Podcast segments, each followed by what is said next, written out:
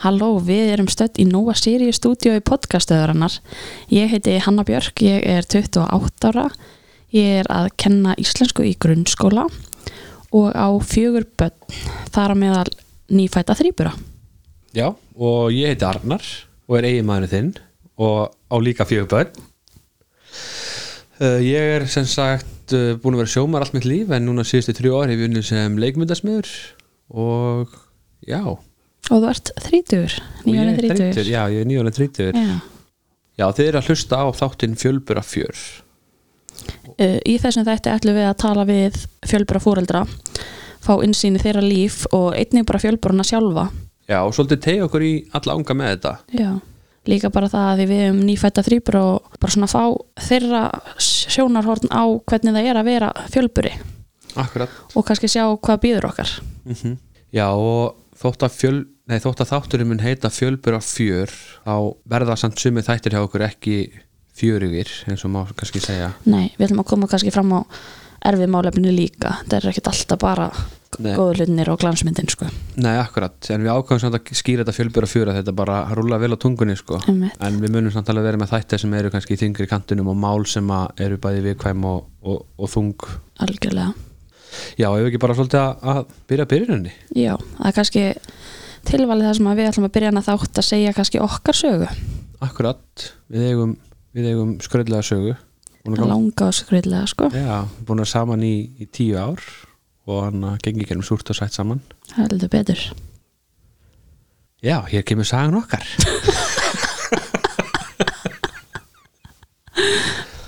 Já, við sem sagt kynnumst 7. oktober 2011 uh, eigum ekkert rosalega romantíska sögu eða kynningarsagan okkar, við kynnumst í partí og erum búin að vera saman síðan þá. Uh, gerist hann rosalega hratt hjá okkur veist svona einhvern veginn samband okkur þróast rosalega hratt. Ég meina ég var á sjó þegar við kynnumst og hann að ég held að það vera hálft árið eitthvað þá var þú flutt inn til mín. Já. Já, við vorum núna saman í örglega svona tvö ár þegar ég hætti á pillunni sem var alls ekkit endilega til að eigna spann en það var svo einhver eftir það, kannski svona ári eða eitthvað svo leiðist, það sem að við fórum að hugsa að þetta er bara greinilega ekki að ganga hjá okkur og það er ekkit að gerast. Mm -hmm. og við hérna förum og leitum okkur hjálpar hjá kvannsugdómalækni og þá kemur í ljós að ég er með PCOS sem að er fjölblöðru egg, fjölblöðru eggjastokka heilkenni. Erfitt orð. En þá sem sagt verður blöðru eggjastokkana í staðan fyrir að fá eggloss og ég er rosalega meðvituð um ófrjósemi og að það sé ekkert sjálfsagt mála eignast bann það sem að fóreldra mínir gengur gegnum rosalega mikið til þess að eignast okkur sískinin sko. Uh, þau fór í glasa og ég er til dæmis búin til Englandi. Það var ekkert komið glasafrökan hérna. Nei, það er mikið fyrir því að já, nákvæmlega. kom- koma, koma þér undir. Já, en svo var komið hér þegar þau egnuðu sískinni mín. Ég var sem sagt tvíbra sískinni. Og eftir þetta fórum við að reyna kannski aðeins meira. Við hérna fórum að mæla eggloss og hvernig svolítið maður læknirinn skrifaði upp á eitthvað lif og það var bara ekkert að virka.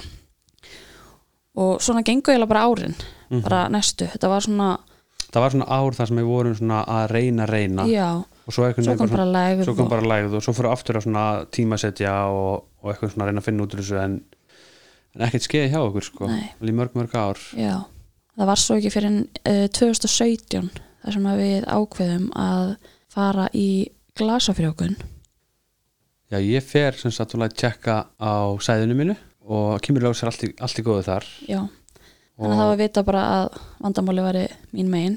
Akkurat, og förum við á stað bara í, í glasa frjókunni eða veist þannig, við förum á stað í ferlið sko. Þú ert sett á okkur lif til þess að rétta við tíðaringin eða ekki? Já, þú veist, líf sem átti að byrja blæðingar. Já.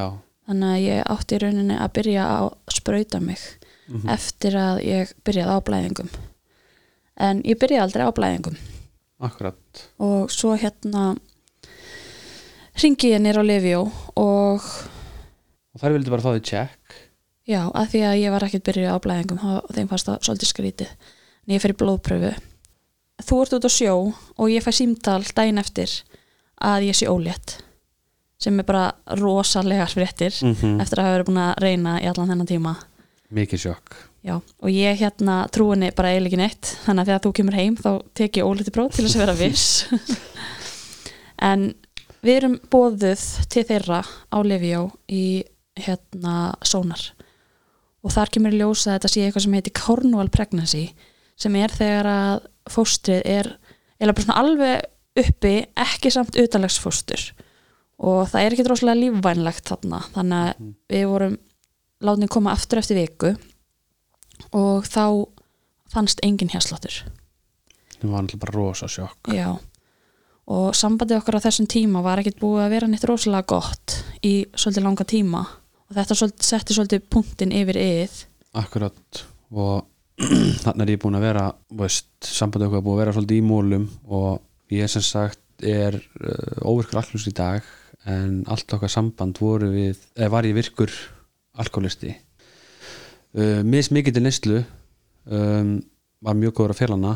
Ég held að þú hefur ekki hugmyndum bara fyrir að ranna að mér sko, og veist, ég fór að opna mig með það sko, í hversu mikið til neyslu ég var sérstaklega í lokin sko. Já, það síðast árið áður en að þetta gerðist.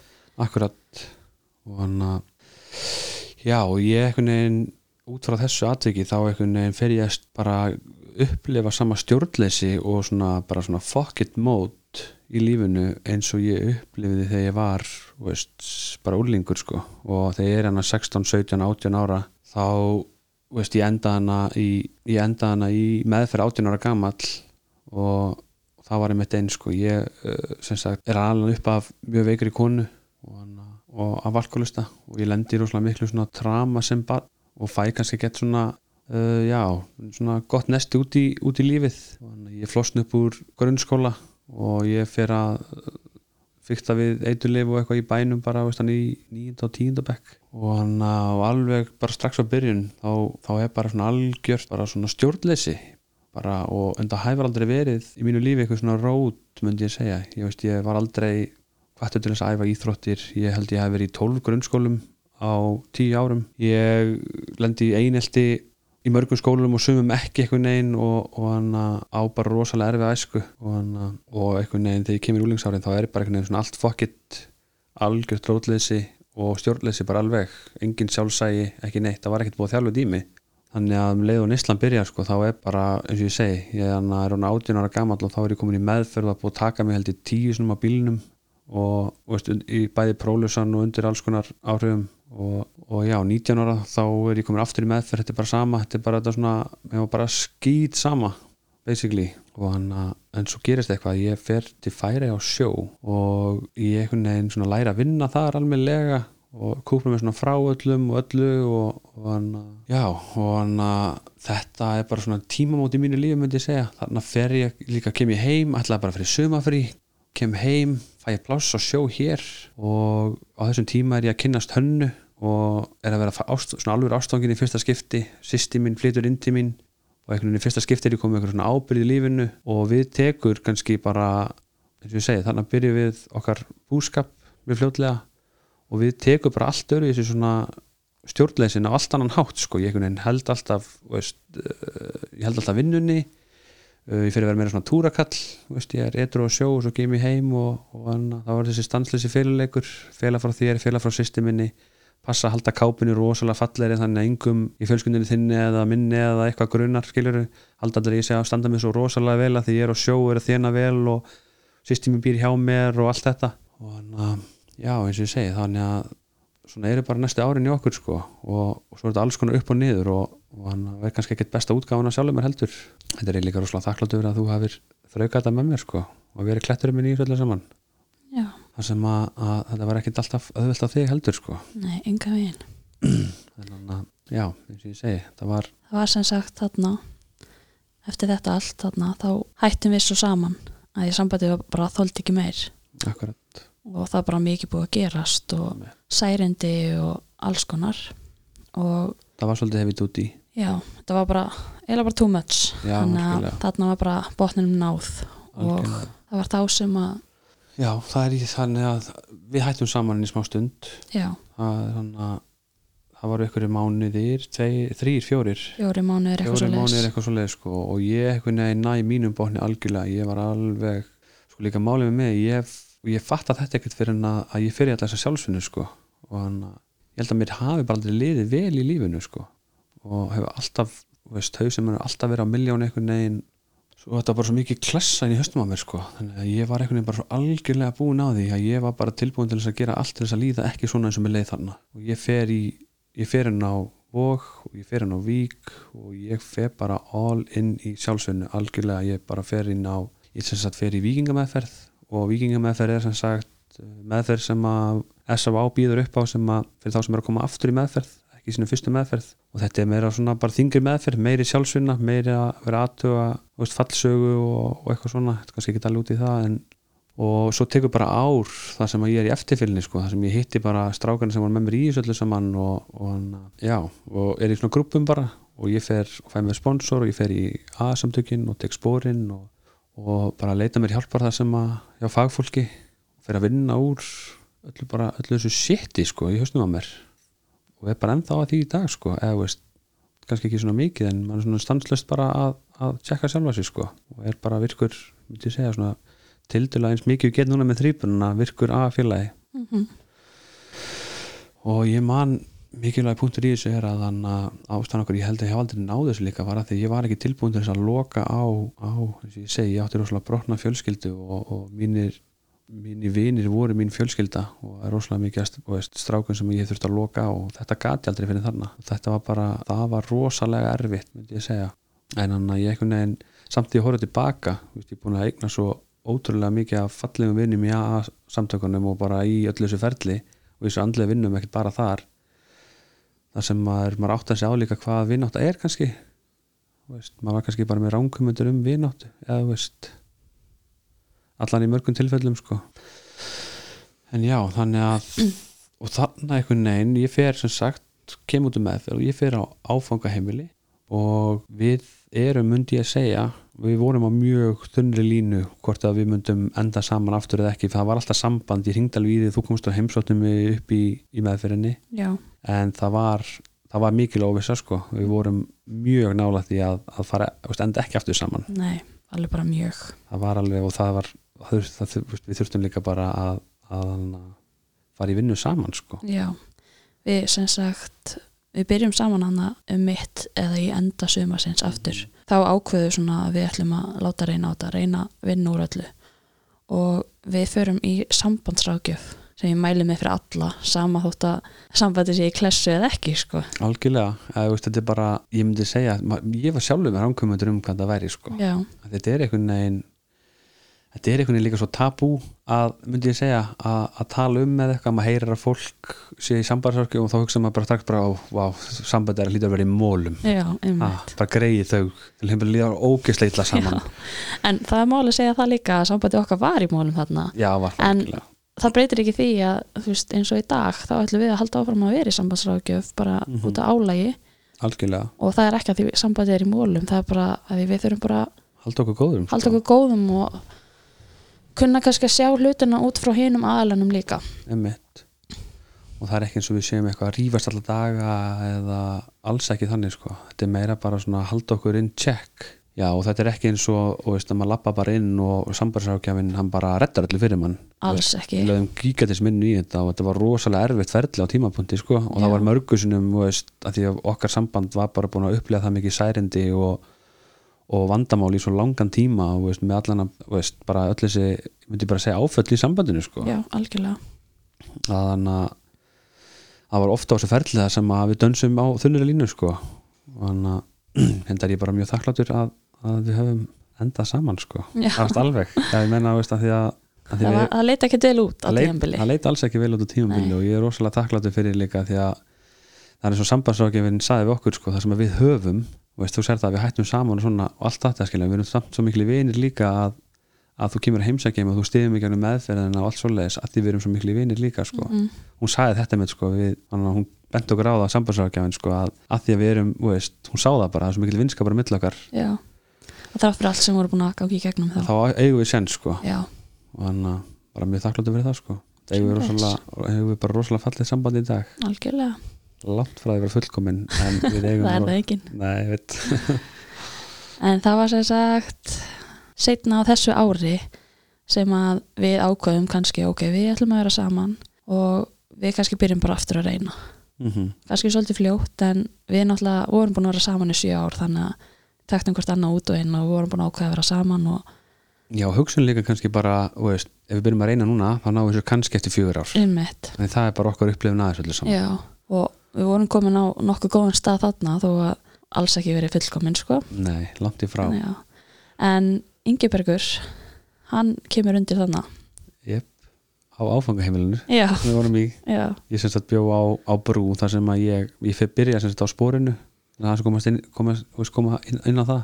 Á spórinu þá er ég bara svona í herbergi og sem er búin að etru í ákveðin tíma og komin í ákveðin bata þá getur maður semst sótt um að fara á brú og þá ertu meðlega bara með sem þín einn íbúð. Ég var mikið með þér þarna. Já, þú varst eftir bara flutt inn. Já, sem Og- var alveg, ég var að vinna náttúrulega en þau keflaði, þannig ég keiri alltaf bara á einmitt. Máttur hann ekkert búa hana en, en vissu allir hann einhvern veginn og, Já, einmitt. En ég var að vinna á þessum tíma í apoteki og ég kaupi hérna Oldipró í apotekinu og ég fyrir bara inn á klósett og pissa á það þar. Og ég bara bjóst alveg bara við því að það var að fara neikvætt af því að það hefur alltaf verið þannig. Mm þannig að þetta var ekki eitthvað svona ég og þú að taka Oldipró saman. Það var aldrei þannig að því þú veist þetta gerist aldrei, þetta var aldrei jákvætt. -hmm, og, en svo bara jákvætt. Ég maður hringir í mig og ég set á kaffistofun í vinnunni ég spenni svo mikið upp að ég gæti ekki haldið inn í mér. Ég segi öllum á kaffistofunni Já. að þú var ekki ólíka jákvæmt á jóldubrófuna Já. En á þessum tíma þá náttúrulega vorum við búin að lendi fóstumissi og aldrei búin að fá upplöfa meira en bara 5-6 vikur. Þannig að við vorum rosalega stressuð. Já og á sama tíma því við byggumst ekkert við þessu strax. Veistu, ég var bara ennþá áfangaheimili og, var, og vann í Mosó og ég Veistu, ég vann í Mosesbæ og, og var ennþá í vikingaprógraminu þar sem ég alltaf mæti upp í von einu svona viku og eitthvað og þannig voru bara ok, það er barn á leiðinni. Já. Líka út af því að þegar við ákvæðum ok, þetta máli gerast þá byggumst við alls ekki við að þetta myndi gera strax. Nei, enga veginn. Þannig að við pöntum í snemsonar og við vorum í rauninni ekkert með allt mikla vendingar og en við komumst bara því að það er bara allt í góðu þar. Og já, mynd, myndina okkur en það sem við tökum mynd, mynd á okkur með svona myndina og ekki slánægt en síðan erum við heima hjá mér sem sagt mömmin og pappa og það byrjar að blæða. Þarna verið Já. komin átta vikur. Mhm. og þarna bara fór ég að hágráta og, og bara Fyrir allt í panik bara? Já, bara eftir það sem við höfum gengið í gegnum þá bara einhvern veginn var ég bara búin að ákvæða að þarna er ég að missa fóstur. Akkurat, sem er ekkert skrítið heldur. Nei, einmitt. Þetta er bara það sem að við erum vön. Mm og við fáum að koma í tíma daginn eftir og það kemur bara að ljósa að það er allt í góðu. Og eftir þær fréttir þá í rauninni þurfum við bara svolítið að fara all in og þú ákveður að flytja heim til mín. Mm -hmm. þannig að býja hjá mömmun og pappa og þú varst búin að búa þar alveg í nokkur ár áður en að þú fórst í meðferðina þú varst í rauninni að koma aftur heim. Og þannig fórum við bara í það að sapna okkur fyrir íbúð sem að gekk bara ágætlega en við vorum ekki búin að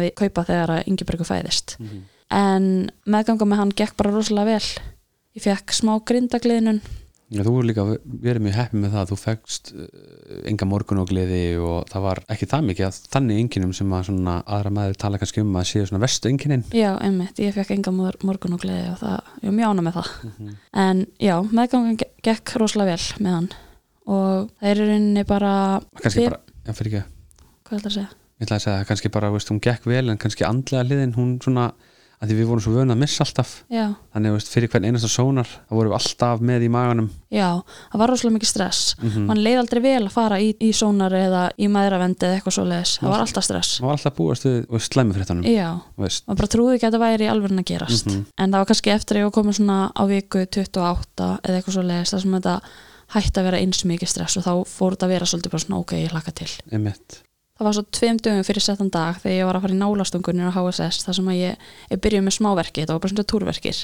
Og ég spyr hana hvernig það er að fara á stað hvernig eru verkirnir? Og hún fór svona eitthvað að útskýra það fyrir mér. Svo fór hún að segja mér að þetta getur verið Braxton Hicks og þá fór hún að sína mér munin á Braxton Hicks og hríðum með einhverju blöðrumyndbandi. Og ég alveg bara já já ok þá var þetta bara Braxton Hicks. Og ég fer heim og klukkutíma setna þá var þetta orðið bara svolítið vond og þú ringinir á HSS og þær segja bara að þetta gæti alveg orðið pínu vond en þetta þarf ekki að vera að ég sé að fara á stað. Og svo bara klukkutíma eftir það þá ringir þú aftur Já, ég, ég er svolítið ákveðin þá, þá er þú, sko, þú farin að drepast sko. ég, ég syngi bara og segja, ég held hún sé bara farin að ég held hún sé að fara á stað. Já, og það er loksinn segja þær okkur að koma. Já og þá komum við og hún aðtóðar hvað ég kom mikið í útvikun og þá er ég komið fimm í útvikun og hún segir mér bara fara neyra á landspítala. Ég þurfti nefnilega eiga á landspítalanum að því ég var með meðgöngusíkusíki og það er talin áhættu meðganga þannig að Já, það er yngar áhættu meðgöngur allt sem er flokka áhættu meðgöngur á, í Reykjanesbæ, það er farið í bæinn. Já, sent á landsbítalan ég er náttúrulega bara tekin inn í þetta herbyggi og skoðuð og svo les og svo fer ég inn í fæðingarherbyggið um, ég fæ hérna gladloftið ég fæ gladloftið og ég var svo óglætt að því þannig að ég lækkaði það niður. Man það, var sett í lægsta fyrir já, og ég fattaði enda fæðingarinnar. Og oh my god hvað það var vond þetta er bara vesti sásöki sem ég nokkuð tíma fundið. Ég gerði mér ekki grein fyrir þegar konu sagði, sagði hvað það væri vond að þetta er því svona þig Samt var alltaf að vera að segja við þetta væri svo fullkomin fæðing. Já, Þú Sem aldrei, þú fekkst ekki svona, sko, fekkst ekki svona parkotin töflu nei. Að vissu leiti var þetta það og ég var rosalega heppin og það gekk okkurslega vel en bara ég sá það ekki sjálf af því ég var svo verkjuð. Mm Ég man, þú varst alltaf að fara í, sko, þú varst alltaf að fara í baðið og úr baðinu, að því um leið þú varst komin í um leið, já, um leið þú varst komin í baðið þá svona vildur ekki vera í baðinu. Þannig að þú sest fórst í leysibóinu smá stund svo vildur þú fara aftur hann í baðið já, og var svona fram og tilbaka já Þú bara, reyna að finna mér einhverja stöðu þar sem ég gat liðið vel í smástund mm Mhm. þetta, þetta eru hræðilegu sársöki Ég stóð með svo hetja á, á, á kantinum með gladlofti í, í hæga hendinni og Já, mér þótti líka rosalega væntum að það stóði í fæðingarskíslunni eftir að við skoðum hana. Að það var í góð samstæða í hönnu Arnari, Mhm. Arnari. Ég ætla bara, væntum ég, ætla bara að passa mig að, þegja ekki snerta því og vera tilbúið með gladlofti Já, stóðst þess að hetja því takk, takk.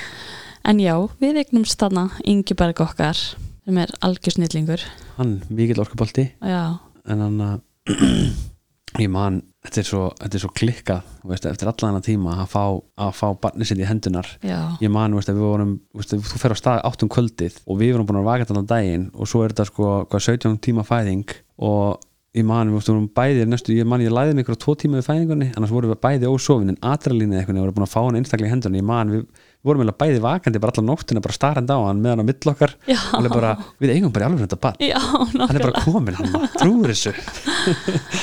Þetta er alveg magna En við byggum hjá mömmu minn og pappa alveg fyrsta hálfa árið hans meðan við vorum ennþá að sapna okkur fyrir íbúð. Mm og hann fæðist sem sagt í júli og í desember þá kaupum við okkar fyrstu íbúð.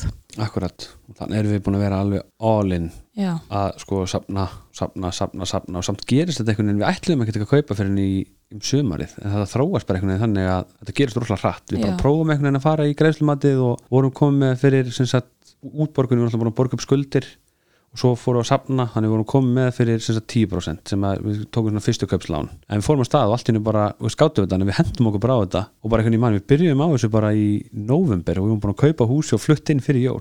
Já, bara ógislega spennt að byrja lífið okkar að því að, búa, veist, að búa inn á þeim eins indislegu eru. Og ég held að allir, held að allir sem að hafa búið inn á fóreldrum sínum eða tengdafóreldrum tengi við þetta að það er bara erfitt. Já maður vil svolítið vera einn að kynnast spanninu sínu. Það er rosalega erfitt eins og fyrstu dagana það eru heimsóknir til þeirra sem enda kannski á því að vera heimsóknir til okkar. Og maður langar bara svolítið að vera einn í búblunum sinni að kynna spanninu sínu. Mm -hmm. og maður hafði kannski ekki eins mikið séns á því búandi inn á öðrum Akkurat, og við gerðum það við lókum alveg okkur af í herbergi og allt svoleiðis, þetta, þetta er bara ekki eins Nei, nokkulega. En þarna vorum við komin í okkar fyrstu íbúð. Við keiftum okkur íbúð á tveim hæðum, lokuðum neðri hæðinu og legðum hana út. Já, við Sem- fórum alveg á stað í, í þetta ferli með það í huga við þurftum að vera með leigu tekjur þannig við leituðum bara og leituðum að, að, með kallar eða bílskur eða eitthvað því þú varst náttúrulega bara í, í fæðingur og lögu og áttur eftir að vera það eitthvað áfram Já, og þar á undan var ég í skóla þannig að ég var ekkert að fá neitt brjálaða tekjur. Nei, þetta var bara eitthvað klink sem þú varst að fá þannig að ég var bara einn með tekjur Já, og leigutekjuna gerði bara klifta að við gátum kifti við kiftum sko Já. Þarna vorum við komin, litla fjölskyldan í litlu íbúðun okkar, 80 fermetrar. Nýbúin að kaupa okkur uh, lítinn stationbíl, fjölskyldubíl. Okkur langaði alltaf eignast tvö börn með stuttu millibili en við vorum ekkert vissum að við gætum haft með stuttu millibili þar sem að það var erfitt fyrir okkur að eignast eitt barn. mm -hmm. Þannig að eftir sumarið þegar að Ingibergur var rúmlega einsás byrjuðum við að reyna aftur. og förum bara að mitt, mæla tíðanhingið inn og, og förum bara svolítið að reyna reyna Já. og það bara gerist eða bara strax bara out of nowhere sko. Já, við vorum á deiti Ingibergur var í nætupössun og við erum að keira heim og við erum, við erum hjá ringtorkunu í Hafnafyrði þar sem Já. N1 er og þar sem að, maður fyrir upp á braut. Já, ég man eftir að við, við erum svona að tala eiga að kaupa hana og er, eða ekki og við, við tökum held ég tvo eða þrjá ringi á að reyna að ákveða okkur Hvort við erum að kaupa Já. ólítufró Já, hvort við erum hoppa í Æsland og kaupa ólítufróið Já. og hann, já, tökum ákvörðum að, að taka begin og við fyrir minn að kaupa ólítufróið Svo þegar við erum komin heim þá er ég bara að fara að pissa. Ég var ekkert að spá í þessu ólítuprófi og Arnar kemur bara hei, myndu, hérna ólítuprófi, ég alveg, já. Þetta var ekkert svona, maður var ekkert að spá í þessu af því að við vorum ekki komin á tíma. Þannig voru ennþá þrý dagar eða eitthvað í að ég ætti að byrja blæðingum. Akkurat, þannig að það ætti ekki að sjást einu sinni. Já, svo var þetta sko miðnætti, þetta var ekki, þetta var ekki eins og þetta var morgunpissið eða eitthvað, Nei, kom á deiti bara hana út um miðnætti þannig að það var einmitt. enga líkur á því að þetta myndi vera jákvætt sko Þannig að ég pissa á þetta og svo bara kemur þessi ótrúlega sterka lína strax. Strax sko, við erum að tala um það veist, á, á ólítuprófi, þá er kemur svona eins og vökvi sem að færi svona yfir skjáin, bara leið og vökvin snerti miðjuna, þá er það bara, bara lína og svo bara lína bara jafn dökk liðin á líka og prófið er ekki svona að klára sig út í enda og við fórum strax að grínast með það að þetta getur verið tvíburar. Já, því það er rosa mikið að týpur um þín megin. Já, ég á tvíbura sískinni og mamma og systur hennar eru fjórar. Það eru þrjáraðan sem eiga tvíbura. Mm þannig að ég bara, mér fannst það alveg mjög líklegt að þetta væri tvíburar. Og við vorum þess að fara að djóka með það við tölum alltaf um týpurinn okkar. Já, ég var að segja öllum strákum í vinnun þetta var í potti týpurar þetta var bara einhvern veginn við bara byggumst í því einhvern veginn. Já, samt í djóki. Já, einmitt það er samt verið sjokk skilur eða það Mhm. verið sagt ykkur að þetta væri tvíburar mm Mhm. þetta var meira svona djók okkar á milli. En við fyrir að sækja strákun daginn eftir tíma um pappa og sínum þeim prófið. Þú varst múin að vera að grínast í pappa heil lengi marga mánuði sko. Já, ætlum að fara að hendi annað þegar ætla að dótti eins og óleitt og eitthvað, eitthvað svona ógæslega brandara? Og þarna komum við með enn eitt, eitt djókið. Að hann held þetta var orðið svona úlfur úlfur dæmi sko. En við sínum hún svo prófið og þau náttúrulega bara ótrúlega ánægð. Og svo er það tveim vingur setna þar sem að hann fyrir aftur í pössun til þeirra því við erum að fara í snemsonar mm svakalegu dagur. Eftir mér þessi dagur lífsmyndsel Já. bara einn af þeim allavega. Eh, við förum þarna inn. Já, hvað er þetta? Er þetta ekki í... þetta er í lækningu í ármúla. Já, einmitt. Við förum þarna inn og búumst ekki við því sem við fáum að heyra en læknirinn setur sónarinn á og Þetta er svona leðgangssónar. Já. Og þarna sé ég strax tvo sekki og ég bara er þetta tvíburar og hann horfir alveg bara á skjáin og svo kemur hann með þessu orð þetta eru þrýburar Litla sjokkið sko ángríns, bara vá Og við tökum einhvern veginn sjokkið alveg í sikur áttina sko. Já. Ég verð bara alveg dofin fyrir ástandinu sko. Ég fer bara einhvern veginn að hlæja og, og bara þetta er, þetta er geggja sko. Já. Þetta er alveg og þú bara tekur þetta alveg hinn áttina já, ég fór að hágráta sko það var náttúrulega í miðju COVID þannig að ég er með grímu og hún var orðin rennandi sko. En læknirinn, hann er að, hann er að upplifa það að, að hann að uh, greina þrýbura fyrsta skipti sjálfur þannig að hann er bara spenntur með okkur og segir mér að taka upp síman þannig ég á svona lítið brot af erum, við erum nýbúin að koma að staðis á leiðina svona 15-20 sekundur það sem hann segir mér að taka upp síman og og ég, þú veist, hann er að sína okkur á svona tæki okkur eigum þetta myndband og þar heyrist einmitt ég eitthvað hlæjandi bara í þessar geðsræringu og þú hágrátandi hliðan á mér sko. og þú segir eitthvað, þetta er geggja og ég segi eitthvað, ég veit ekki með það. Já. En þarna snýrist líf okkar alveg 15 ringi heldur betur maður, ég maður fórum út í bíl sko og hann að ég bara tók eitthvað svona fake it till you make it sko af því að þú varst bara hysterical sko Já. þú veist bara ekkert bara, ég var bara í kvíðakasti bara gjössamlega bara ofandæðir og bara hvernig á ég að ganga með þetta og hvað við erum nýbúin að kaupa okkur litla íbúð og hvernig á að gera þetta og það bara endalaust flög ekki með hausin og ég var einhvern veginn þú helst Ég- mér á jörðinni sko ef að Já. þú hefði líka verið í kvíðakasti sko Já. þá hefði ég öruglega bara flóið eitthvað sko ég var bara hætti þú veist, ég held ég hef ekki verið að meina þessu orð þegar ég sagði þau þá. Já, en ég sagði þau allavega að þetta er Þetta er bara geggja maður, við fyrir létt með þetta maður og svona að reyna að hugrist það en við erum fyrir utan ármúlan hana í klukkutíma. Einmitt, og strákurinn í pössinu mömmu þinn og pappa Já, og pappi sendir SMS er allt í góðu og ég svar ekki. Svo erum við komin aftur hana hjá ringtorkin í Hafnafyrði örlaríkt Örla ríka hringtorgi mikla við erum komin hann hjá ringtorginu í Hafnarfirði og ég stoppa hjá enninum og ég sendi pappa það er allt í góðu, tala við þau eftir. Og þetta eru bara svona orð sem að veist, það sem að þau lásu út úr þessu varu er bara ok, þetta eru týpurar Yep. að það er allt í góðu en það er samt að tala við ykkur eftir.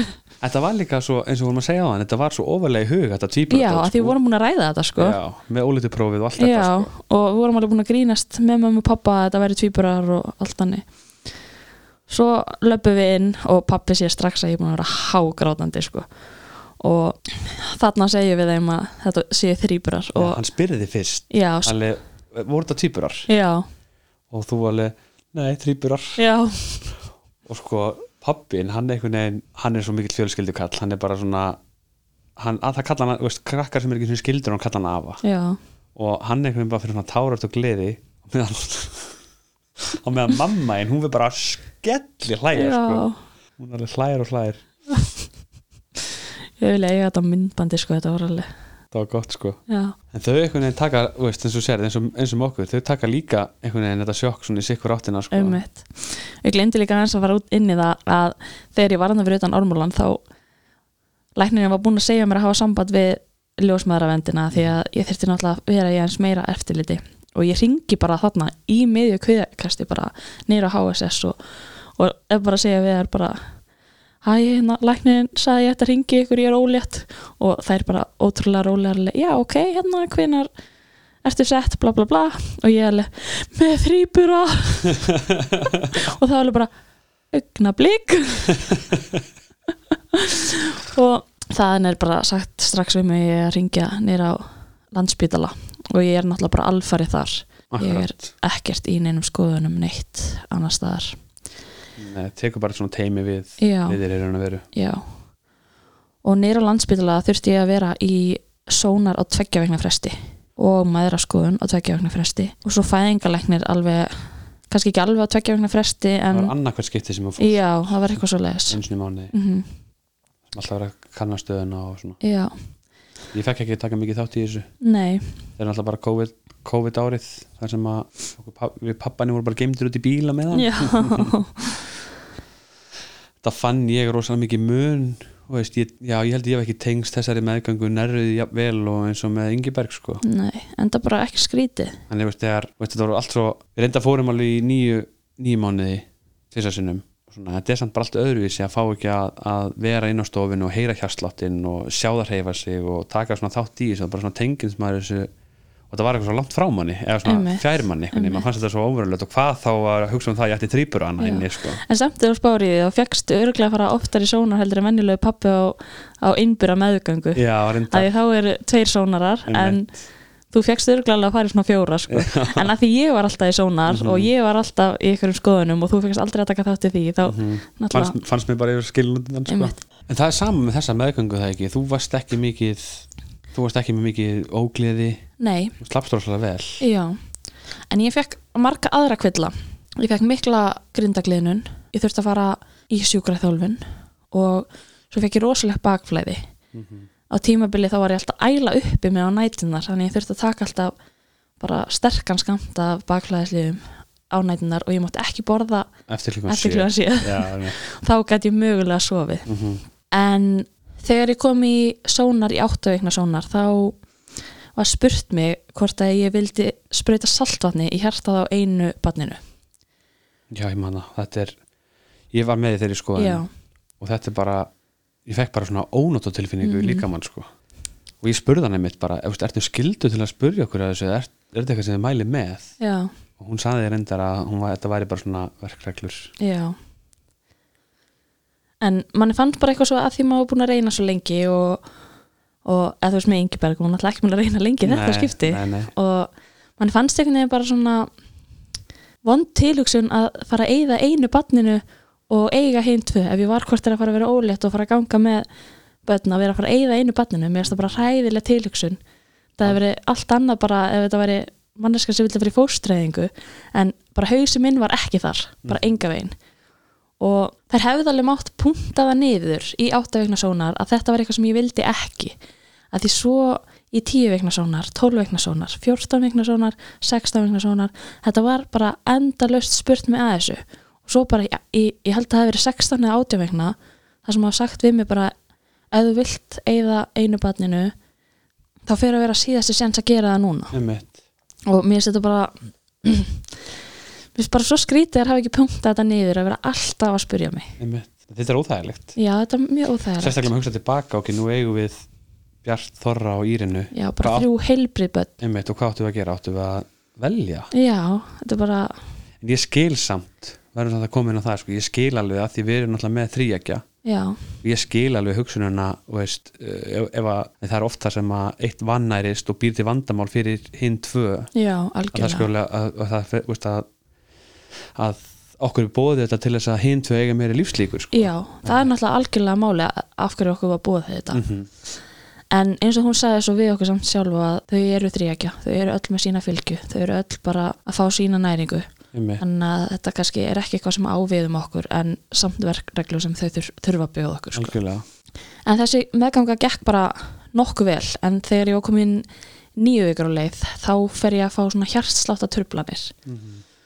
og ég fer nýra HSS, heilsukestan á Suðunisjum, bráðamáttökuna þar og þar fer ég svona hjartalínuritt og það er alltaf að koma aukaslag og það var rosalega óþægilegt og þarna þurfti ég að segja þeim að ég væri ólitt af þrýburum sem var pínu óþægilegt að ég þekkt alveg tvær, þrjá stelpur annars sko. Einmitt. og lækninu þannig sagði að ég ætti að fara í frí í vinnunni fram yfir 12 vikur. Bara þá ég komin yfir mest safe tíman og þarna var ég nýbyrjuð í nýri vinnu.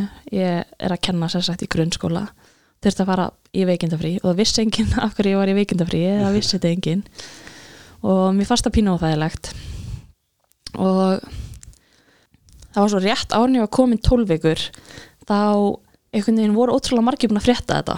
Við vorum búin að segja sko bara okkar allra nánustu en það er svo oft bara þessi segi mömmu sinni og að þetta eru stóra fréttir og þetta Já. er eitthvað sem, að, sem að fólk er í sjokki yfir. Mhm. og búin til kepplæk sem er svona tildulega lítið bæjarfélag það sem allir þekki alla veginn. Já og einhvern veginn var svo saga að ég hef verið með hjarsláttatruplanar komin út í það að öll börnin væri með hjartagalla og Já. þetta var bara eitthvað, þetta var komið út í svo mikið bull og svo að þessi að spyrja þennan og það kom, það kom svo mikið aftur til mín, bara þessi var að segja þetta, þessi var að segja þetta. Og þetta var bara svona pínu óþægilegt, af því fyrir mér var ég bara kona að ganga með eh, börn, að ég skilur en ég skil að þetta var mikið sjokk fyrir fólk og fólk talar. Mhm. En ég var eiginlega bara á tímabili komið með pínu nóg. Þannig að þegar ég komið 12 vikur þá ákveðum við að taka bara mynd á okkur með svona mynd og posta á netið Mhm.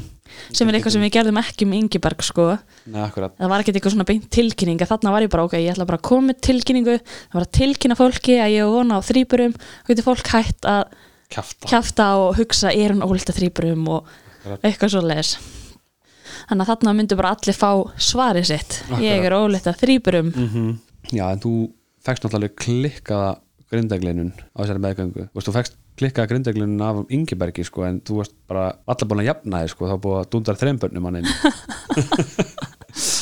Þannig ég man alltaf eftir að þú þegar við fórum í IKEA eða fórum eitthvað svona vestlað eitthvað þá varstu bara í hjólastól sko. Já, svo rétt að henni fættust þá fór ég hústrekarinn og ég í hjólastól. Já, Svo var alltaf svo vandræðilegt að vera í hjólastólnum að því að eins og þegar að ég var kannski að fara út og inn úr hústrekarinn þá stóð ég samt alltaf upp. Bara svona eins og ég væri bara þykjast verið í hjólastól Mhm. en ég gat ekkert labbað mikið. En það var alveg ótrúlega óþægilegt að vera í honum en samt gat ég ekki verið ekki í honum. Einmitt. En já, ég er komin hann að átján vikur í kringum desember þá þarf ég bara hætta að vinna, það var ekkert búist við mér aftur í rauninni því ég bara gat ekki labbað upp og niður stiga og þetta var bara kennslustundina voru orðnar mjög erfiðar. En ég náttúrulega mætti bara rosalum skilning hjá yfirmanni mínum, Mhm. skólastjórunum hún er sjálf tvíburamamma þannig að þekkir aðeins inn á fjölburalífið og við tók eiginlega bara svolítið svona tímabil þar sem að við hérna ákveðum að stækka við okkur Já, við byggum náttúrulega bara faxabröðinni og nýbúin að kaupa okkur þessa, þessa 80 fermyndar íbúð. Og þannig er allir bara ok, fuck, við erum að fara að vera sex manna fjölskylda. Og til þess að byrja með vorum við bara búin að sætta okkur við þetta. Við, að, ok, við látum bara virka. Sem bara, við hjálpa okkur sko, þegar maður sér allt þetta dót og við, hef, við, hefðum, við hefðum ekki getað þetta sko. Nei, þetta er, drastli okkur núna sko. Já, akkurat. En svo benti basically tengdamamma okkur á það að, að fara í gennum greiðslumat með fjögur börn er ekkert grín. Við fórum bara all inn í það að, að reyna að stekka við okkur sem og við gerðum. Mm og þannig að við náðum að kaupa og flytjum til tengdamömmu og pappa aftur en mömmu þinn og pappa aftur. En það var líka bara eitthvað sem var rosalega gott fyrir meðgönguna mína. Af því að þarna var ég orðin ein að sækja Ingiberg alltaf hjá dagmömmu af því þú vinnur í Mósusbæ og varst ekki komin heim fyrir 5-6 og ég var ein með hann og ég gæti valla hreift mig. Og þannig að pappi og mamma sóttu hann bara eiginlega alltaf fyrir mig. Ég satt bara í leysibóistólunum sem er örgulega ástæðan að ég komst svona langt með þrýbrana -hmm.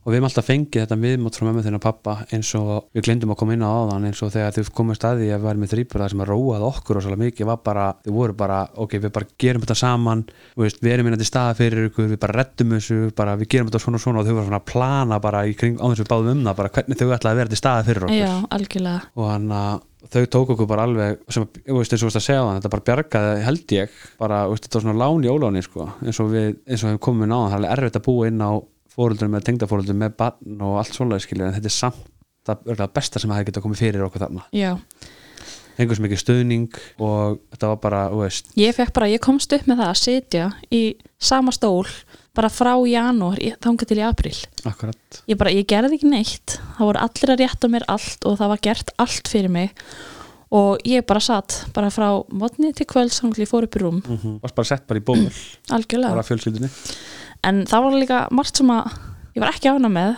Nefnitt, eins og Ingeberg eins og Ingeberg, ég náttúrulega var ömulegt að geta ekki hreift sig og mér fannst það svolítið bitna á tengslamyndun minni við Ingeberg að því allt í hennu gætt mamma ekki leiki við hann og gæti ekki verið me- svona til staða fyrir hann. Hann, hann einhvern veginn fór svona hann fór svona að hann fór til dæmis, hann hætti til dæmis að segja mamma já, hann Það var- hætti að segja mamma það var alltaf með því fyrsta sem hann sagði sko. já, og fór að leita miklu meira í að vera hjá Já. þú veist, eða mér já, eða eitthvað svoleið sko, að því að þú varst einhvern veginn bara, veist, þú varst eins og bara kleina í sófærinu að vera eins og áttur að vera einmitt ég gæti aldrei leikið við hann og mér fannst bara verða pínu tengslarof Mhm. sem mér fannst alveg ömulegt og það var eiginlega bara svona erfiðasta við þetta mér fannst það rosalega erfitt að geta ekki bara gert hluti með sínum mínum og sint sínum mínum. Mhm. það helsta sem að við gætum gert var að hann sast upp hjá mér og við horfðum á okkar ég gæti ekki fara nýra að gólfa að leika við hann ég gæti ekki fara með hann í göngutúr og, og ég gæti valla séðum hann, ég gæti valla skipt um bleiu. Mhm. það var alltaf að það þurfti að skipta um bleiu á hann þá var mamma komin, skilur Mhm. ég bara gæti ekkert gert. Sem var líka bara fyrir það bestu sko. Algjörlega. Að að svo sér í dag hann er, hann er, hann er bara rosa mömmu strákur sko. Þetta er ekkert eitthvað sem var varanlegt Nei, enga veginn, en á þessu tíma þá fór þetta rosalega, þetta var rosalega erfitt andlega fyrir mér. Mhm. Það er þess að fjóru dögum áður en að þrýbjörni fæðast að við fáum afhent húsið okkar. fáum aðfenn 27. Já, þau fæðast 1. apríl. apríl þannig við fáum bara alla fyrir mann við vorum enga stund að flytja sko ég man við vorum búin að fá bílskurinn afhendan og við vorum búin að flytja allt ótið okkar inn í bílskurinn þannig Já. þegar við, fengum afhend þá var þetta bara, rik, bara taka allt ótið úr bílskurinnum og henda því inn og svo bara hægt að róla myndi kassanir koma og það er ekki ennþá ekki svona helmingur og kassanir komnir inn í hús sko. Ég veit ekki og hvað er í þessu kassum í dag, en samt tókum við bara allt þetta. Einmitt. En það kom bara allir og hjálpuð okkur og bara allt inn í hús og við gætum bara gist hana fyrstu nóttina bara eftir að við fengum afhent, sko. Þetta var aldrei að sleia bíl eða neitt svolítið að því Já. það, það var svo mikið búið það var basically bara svona tímaspursmál hvort um börnum kemur fyrst eða hvort að þrýbörnum kemur fyrst. Já, af því það var sagt við okkur allir frá byrjun að allt yfir 30 vikur er bara gott. Já. Við vorum búin að fara og skoða vökudildina já, þegar ég var komin 29 vikur eða 28 og hún sagði að það var gott með við já, þrýbjörn sko. þannig að ég bara bjóst við að þau voru bara að fara að koma á 30. viku mm og eitthvað svo les en nei, enga veginn, þannig að þetta var alltaf svona þetta var alltaf svona tímaspursmál og svo fengum við áttum að fá, við áttum að fá afhent held ég hvað, tíunda 15. það ekki Jú, fimm, var það 15. Já, og við varum bara, þú veist, svo þegar 15. var alveg að koma þá byður hann sem sagt, sem við kaupum af hann var sjálfur að fá, þú veist, það frestaðist hins íbúð sem hann átti að fá, þannig að frestaðist allt og þá voru við bara, ok, þetta er búið þeir koma undan, við Já. náum ekki að koma okkur fyrir áður en að, þannig allt þetta þú veist, að búið til reyður eða, eða þú veist, og undirbúið eitthvað, það var bara ekki til staðar reiðugerðin. Já, reyðugerðin og allt þetta var bara ekki til staðar við vorum bara heima á tengdu og býðið eftir að fá afhengt Já. svo bara kom bara sprengja svo líka það að veist, við þurftum að það er alveg margt heima sem það þarf að gera veist, það þarf að mála fullt af veggjum og eitthvað en við náttúrulega gátum ekki gert neitt mm -mm. við vorum bara flutt inn og þau voru komin sko. þurftum bara að drífa okkur að flytja inn Já, ég glemdi aðeins að koma inn á þann að nokkur mánum áður þau fæðast þá er ég að reyna að komast í fæðingar aðeins fyrr þetta stendur í lögum að sagt fóreldra mega fara í fæðingarorlof mánuði fyrir settan dag samkvæmt hefbundur meðgöngu staðfest af ljósmaður svona er þetta orður rétt í lögunum. En ég sækjum og ég fæ sinjun ég kemur enda með vottor sem að stendur 19. mæ af því að ljósmaður gefa okkur, gefa okkur það fyrst eins og þessi 40 vitna meðganga það stendur samt þrýburar á. Og ég fæ sinnin út á það að þetta passar ekki við dagsinningar uh, að því þú ert skráð í keisara 7. apríl. Þannig við tekur sko barátta um að fá að komast í fæðingur af því þú varst orðin mjög slöpp á þessum tíma og þú þurfti meðlega bara að hafa mig heima og ég var ekki að skila 100% af mér í starfi heldur þannig sem betur fer mætti ég líka veist, miklu skilningi þar.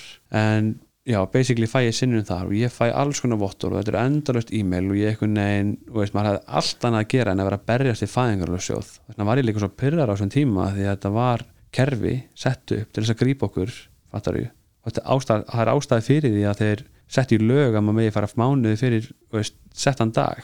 Uh, og þannig þurftu, þurftu, þurftu við þess virkilega um, Já, ég, er alveg sama hvaða, hvaða vottor ég kemur, ég fæ sko vottor frá Huldu sem er yfirlæknir meðgöngudelda landsbytalans um hvað hefbundi þrýpur meðganga er, það sem að stendur að hefbundi með, meðganga sé 34 vikur en aldrei hefur kona gengið lengra en 36 vikur.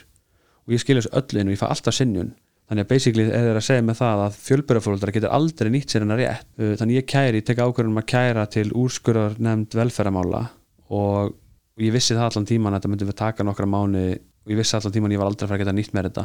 En við tökum samt ákvörðunum að, að klára þetta mál og við vinnum þetta mál.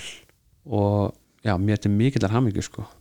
Þetta var, þetta var svo pyrrandi þetta var svo pyrrandi á þessum tíma líka að, það er svo mikið mismunun að því af hverju við ekki geta nýtt eða, já, við að geta nýtt þetta alveg svo aðrir? Akkurat og þetta er líka svo mikið, þetta er svo mikið computer says no. Já, ég er búin að koma hana með bara veist, það stendur hvergi í lögunum að 40 vikur neinsta, það stendur samkvæmt hefbundri meðgöngu staðfesta ljósmöður já, ég fekk þetta staðfest frá ljósmöður og yfirlæknirunum hvað hefbundum þrýbæri meðganga væri og þau sinniðu mig samt. Umrætt en það var, að kona myndi aldrei ganga 40 vikur með þrýbura nei, en ég er bara mjána við, við erum búin að leggja línuna fyrir fjölböru fólundra vonandi breytaði verkræklingunum sínum að því að þú segir að týpuramæður, það er ganga mest 38 vikur sem þýðir að þeir ætla að leifa týpuramömmum að hvað, kannski nýta tvær vikur af þessu rétti Einmitt. og þrýbæra fólundrum aldrei neitt og ég fekk líka alveg nokkuð skilaboð í sambandi við þetta að það voru einhverjir búin að vera að reyna þetta og mættu sömu akkurat, bara leiðindum og við. Einmitt. Og endur þá því að senda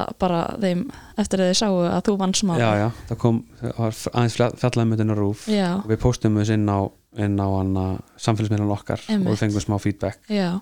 Þannig að þetta var mikill sigur, þetta var líka orðið bara svona stoltmála því ég var alltaf að senda, alltaf að senda þetta var eiginlega bara orðið svona mánaðar, mánaðar vinna hjá þér sko, þú varst bara þú varst alltaf að senda það Einmitt. var enda laust ég var, alltaf, ég var líka alltaf bara að segja við hann ég, bara, veist, ég skil ekki af hverju þeir að láta mig synda á móti ströfnum ég þarf þetta núna skil ég er, veist, og lendi því líku í launatabbi en reyndar þá borguðu mér aftur í tíman eftir ég vann málið og allt það þannig við fengum þetta bætt. Já. það en það var einhvern veginn ekki það sem vorum að leita. Við Nei. vorum að leita því að þú fengir að fa fá fríið. Akkurat, það var ekki launalega séð vandamál. Neða akkurat.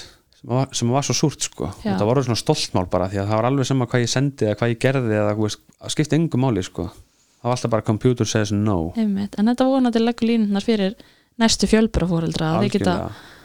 Aðeins haft eitthvað til þess að vinna með akkurat, því nú er búið að kæra þetta og Já. það er búið að vinna svona mál þannig að því að það, hlýtur að vera búið að leggja línuna fyrir Já, nú þurfa þau bara aðeins að hýða sér buksunar fæðingar og sjóður ha? Það er daginn áður en að þrýbarni fæðast sem að læknirinn ringir í mig og ætlar að fresta keisaranum um viku þarna verið skráð í keisara 7. apríl og hann ætlar að fresta hann í viku frá því og ég held bara einhvern veginn að líka minn hafi bara ekki höndlaða að þarna átti ég að ganga 35 vikur mm sem er rosalega, rosalega langt fyrir þrýbura ætli það hafi ekki bara verið ætlinin að sjá hversu langt ég myndi ganga þetta var að ganga svo ótrúlega vel. Að vera komin þannig 33 vikur var bara magnað. Magna öll svo þú veist, þú voru öll líka svo stór og Já. það var engin, engin heilsuleg vandamál á leiðinni. Bara ekki neitt, og þau voru bara öll rosalega öll að nærast vel. Og ég man hún mældi einhvern veginn eiginlega aldrei hvort þau væri að nærast vel hann í gegn, gegnum naflastrengin eða eitthvað því þau voru að stækka öll svo mikið, það var Já. eitthvað svo leiðis mm en allavega þá held ég að líka minn hafi bara ekki höndlað þetta en á þessum tíma þá skiptust þau alltaf á að vakna með strákin og þú gerði það náttúrulega orðið miklu meira en þennan dag ákveði ég að taka hann um morgunin og svo vaknað þú hann að nýju, hálf tíu leitið -hmm. og ég segi við þig að ég sé með smá svona túrverki og þú náttúrulega bara þannig er ég bara ok, upp á sjúkurás núna það, Já. það er búið að segja við okkur að þröskullin á að vera engin Já. sérstaklega gengin svona langt einmitt og ég bara nei, ætlum ekki að gera það en þú veginn er bara að draga með hann sko.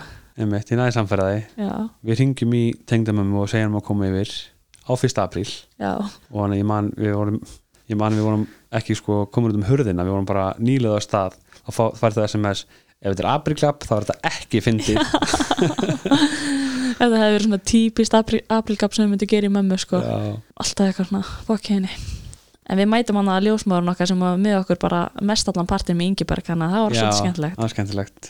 Og við Og- förum einhvern veginn á stað. Má ég sko minna á það? Já, Já, og við erum einhvern veginn, þegar við förum út úr húsinu þá erum við ekkert einhvern veginn samt. Þótt að ég hafi verið svona ítin og svona þá vorum við ekkert að búast við því að við vorum að fara eignast börn þennan daginn sko, þannig, veginn. Þannig við vorum bara eitthvað svona, að látum að tjekka hvort það sé ekki alltaf lægi en ég veit ekki af hverju við vorum svona oblivious fyrir því að þetta geti komið, komið hvenna sem er en við tókum enga spítalatösku eða neitt sko, nei, það er bara að láta að tjekka voru valla búin að pakka henni sko. Veist, jú, jú, það var komið svona alltaf helsta en ekki nærið því allt sko. mm vorum líka kannski bara svolítið upptekinn að koma okkur fyrir í húsinu. Já, einmitt. Það var bara svo mikið að gerast einhvern veginn á sama tíma að þetta var bara svona mm -hmm. ekki efst í hugunum sko. einmitt, þótt ætti að vera eins, eins klikkað á það er. Já, en við mættum svo hann á landsbytalan og það tók við okkur ljósmáðurinn sem að var með okkur eða stærstan partinn af fæðingunni með Ingiberg, þannig að það var mjög skemmtilegt. Og þú færði að koma inn þrátt fyrir að þú áttir ekki að mega það sko. Já, það er að gefa okkur það er að gefa okkur það. Já, en það bara svolítið svona öðruvísi aðstæður hann mm en þær aðtuða og ég er ekki komið með nema 1 til 2 í útvikun en ég er með rosalega samdrætti og þegar líður á daginn þá eru þeir orðnir alveg bara svolítið vondir. Og það er alltaf verið eitthvað svona að ákveða að ég, ég er látin fá stera til þess að þroska bara lungun hjá þeim og svona. Já, það er svona tveim tímum eftir að koma já, þannig er þú farin að anda þig gegnum hríðarna mann ég. Já, og svo ertu látin fá svo ertu látin fá eitthvað lif bara mjög stöttu setna til þess að minka hríðarnar. Já, ég held að það hafi verið eitthvað til þess að reyna að stoppa ferlið sem að var komið svolítið að staðið en svo er bara tekið ákvörðun um að senda mig í keisara sem að var ótrúlega skrítið því að við vorum ekki að búast við að eignast bönn þennan dag. Nei, bara langt í frá sko. Mamma þurfti að koma í bæinn með spítalatöskuna og við þurftum að vera bara, heyrðu, þú ert að taka þetta líka og þetta er þarna, þetta, þetta er þarna þetta var ekki allt komið í töskuna sko. ég fekk ekki mændegingu með Ingeberg, en ég var ógeðslega stressuð fyrir mændegingunni Mhm. ég veit ekki af hverju, ég var bara það var að stressa mig svo mikið, ég man bara ljósmáðinu þurfti bara að bara tala mig til um að fá mænudegunguna sko. mér fannst þetta hræðileg tilhjóksun mm -hmm. og svo bara einhvern veginn þegar ég fekk mænudegunguna ég fann ekki fyrir henni. Ég veit að var, það var mjög þetta var mjög skrítið einhvern veginn að vera inn á þessari stofu hana. Með, með þess að lækna einhvern veginn. Mér var sagt að koma á manni áður fækst mælidefinguna og mér sagt að koma að sitja hérna. En svo þegar það var búið þá ætti ég að færa mig hingað og já og það var enda búið að undirbúa okkur aðeins það var búið að undirbúa okkur aðeins fyrir því að þetta myndi vera mikið af fólki hann inni já, það er mikið af fólki í einu, eða þú veist, einbyrra kerra sko. Þannig að þetta var alveg svolítið mikið meira. Einmitt. en já að þú, þú ert mænudefið hann ég fer hann hinn með við og þá er eiginlega búið það, og, og þau gefa okkur smá sens. Þetta, þetta er svona, með leiðpínu svona eins og það bæði bara svona 20 manns fyrir utan hurðina að því svo þegar, var- svo þegar þeim var gefið Q þá fyllist bara stofan einhver fólki. Ok, nú ætlum við að hleypaði minn var eitthvað sagt. Já, og opnaði þessu hurð og svo var þetta bara svo, svona, svona og þegar trúðar komum svona litlum bíli bara svona endalegt að fólki var en það er basically veist, það er barnalækni fyrir, hvert barn og það er ákveðmargar ljósmaður fyrir hvert barn og það er, veist, það er alveg teimi kringum hvert barn.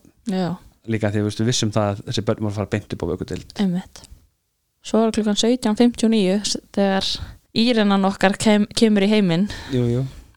og klukkan 18 þá kemur Þorri og 18.01 kemur Bjartur. Bjartur. litli strákurinn okkar. Litli strákurinn. Sem er langstæstur í dag. Já. En þau eru bara, ég fekk aðeins að sjá Írinu Mhm. rétt í andan eða Bjart, ég manna það ekki, held að það hefur verið Írina ég man það ekki heldur, Nei, maður var svo já, þetta var bara og gerast alls svo hratt. Já, veist, við, erum, við erum að tala um það, við förum upp á spítala leggjum að staða á spítalana millir 9 og 10 og við erum að fjara bara fóreldra klukkan 6 já. Mér finnst þetta líka bara svo skrítin tilöksuna því að með fæðingunni Ingebergi þá vissi ég alltaf að hann væri að koma. Og voru svo miklu verkir sem voru bara að segja mér batnið er að koma en þannig einhvern veginn bara voru þau komin. Mhm. og ég, upp, ég, ég upplifði þetta líka svona. Já, þótt að ég hef ekki verið keisarinn leis en það var, ég hafði 17 tíma til þess að undirbúa mig undir það og þetta ferli, allt Einmitt. þetta ferli. En þarna var þetta svo mikið óvisa allan daginn hvort ég væri að fara í keisara eða ekki Mhm. eða hvort við varum að fara aftur heim. Og það er eiginlega bara svona teki ákvörðin bara um fimmleiti, bara heyrðu þú ert að fara í keisara eftir. Og ég bara, já, við vissum alltaf að væri möguleiki já, en það var bara að láta okkur vita þarna. Já. Þannig að við fengum bara svona hálftíma klukkutíma bara svona, ok, við erum að fara að á en þú fylgir þeim upp á vökudeld já, ég fylg, fylgjum með vökkudeld og eins og við komum aðeins inn á áðan þá, þá er, vorum við undirbúin eða það var búið að reyna að okkur undir það en ég held að, veist, maður getur aldrei verið 100% undirbúin undir það. Og mín upplifin er svolítið sko að ég tek ákvæmum að elta það upp og það er ég stend út á miðri gólfi og mér langar svolítið að eiga upptöku af þessu. Þannig ég svona sting símanum og, veist, og, er að reyna, og er að reyna að taka svona upp og já, er að reyna að taka upp sem sagt momentið og eitthvað en samt er ég svo miklar í gæðsarengu að þetta er bara svo þetta er bara svo störlu tilfinningar vera hann upp á veist, og, og sama tíma skiljur þá er bara, veist, maður sá alltaf inn í búrina þegar var svo mikill mann, það mikill manngangur og það var svo mikið að læknum og það var svo mikið út um allt einhvern veginn, það var verið að setja æðaleggi og svo verið að setja eitthvað svona öndunarhjálp svona CPAP heitir það sem er CPAP er basically það sem er sett yfir nefið og það er svona stanslös blástur þess að halda lungunum opnum. Og já eins og ég segi þetta er bara svo, svo erfitt að lýsa þessu. Þetta er bara, svo stóði bara pínuð svo illa að gera hlutur hann sko. Á meðan þá var verið að sauma mig niðri.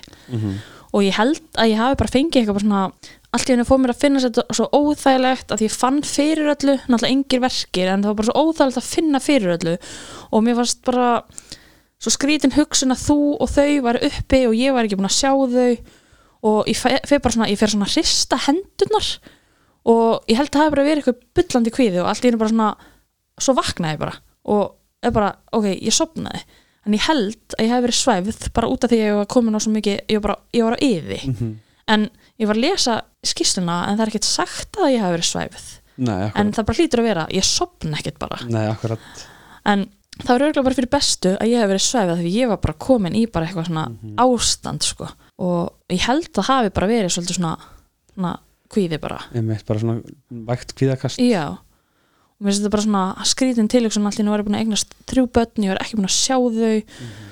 Og bara fullt af einhverju fólki bara að vinna hann í maganum á mér og að mér finnst þetta bara ótrúlega eitthvað erfitt. Mm en mér er svo bara að rúlla aftur inn á sömu stofu og ég var á þar sem ég það náttúrulega bara býði í smástund og ég fæ að sjá þau bara í videokál hjá þér. -hmm.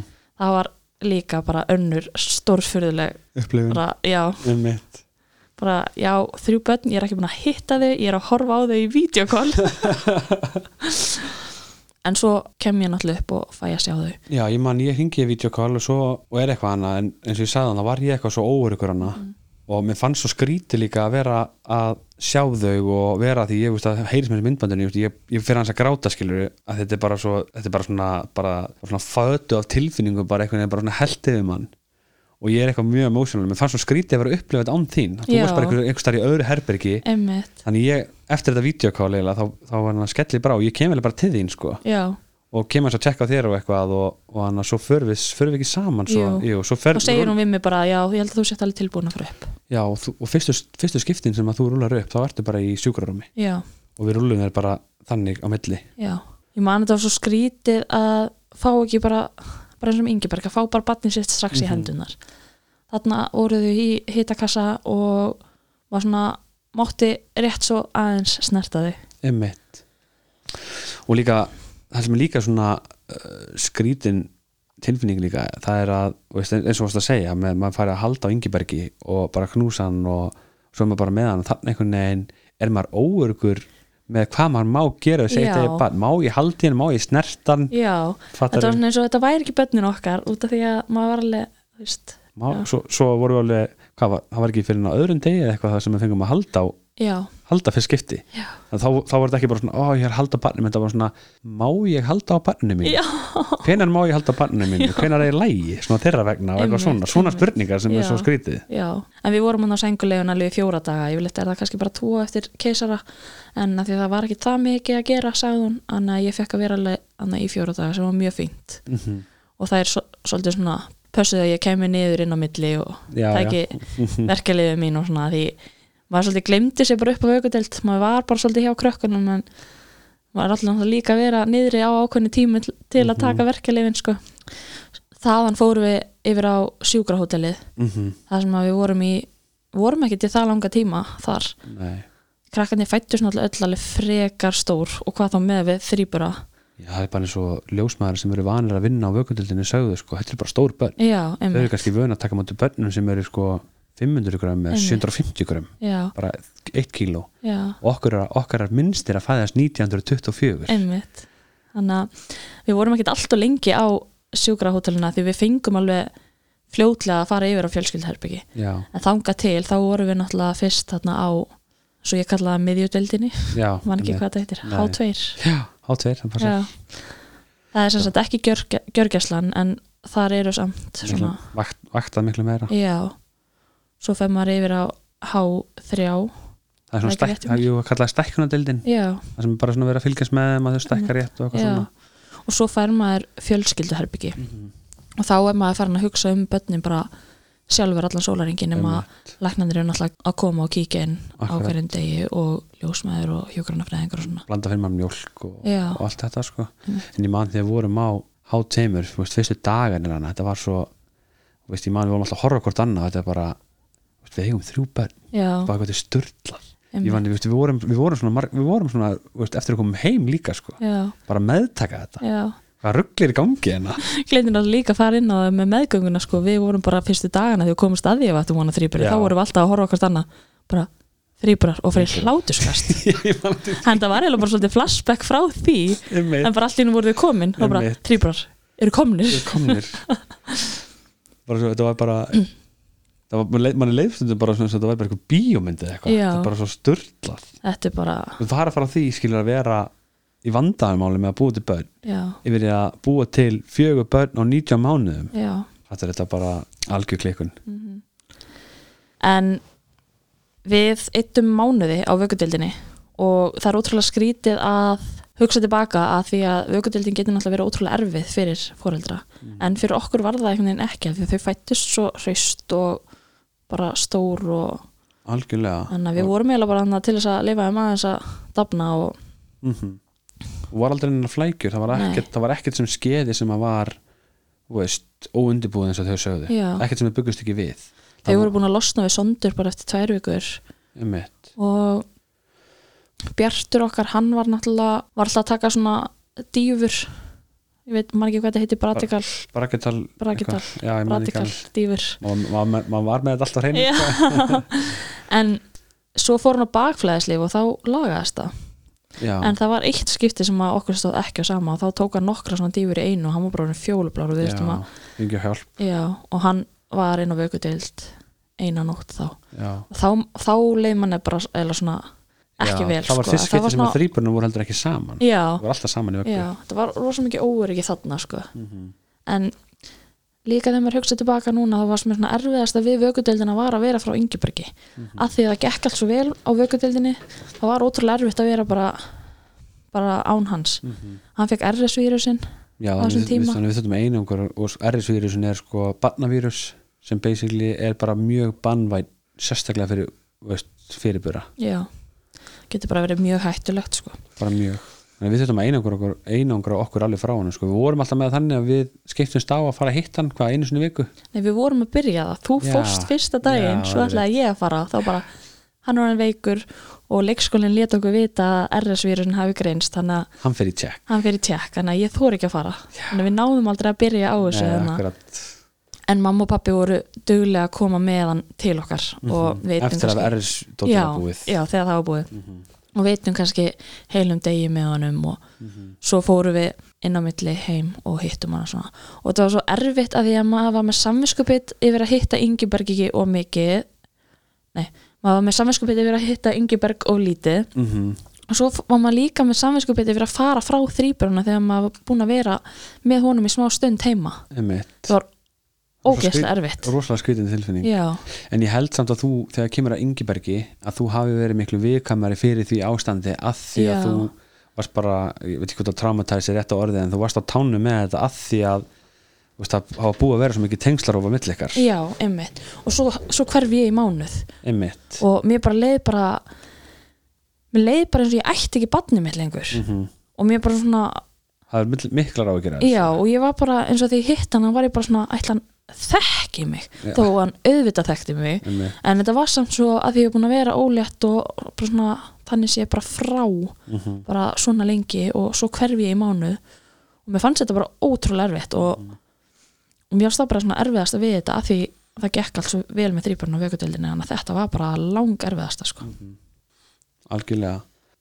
Ástæðan við vorum alveg mánuð var út af því að Bjartur var alltaf að taka þessa dýfur en eins og hérna hjúgrunafræðingarnir þarna sögðu var að hinn tvö voru eiginlega bara svona semi-útskrifu sko. voru Gestir bara hjá hana já, það. já.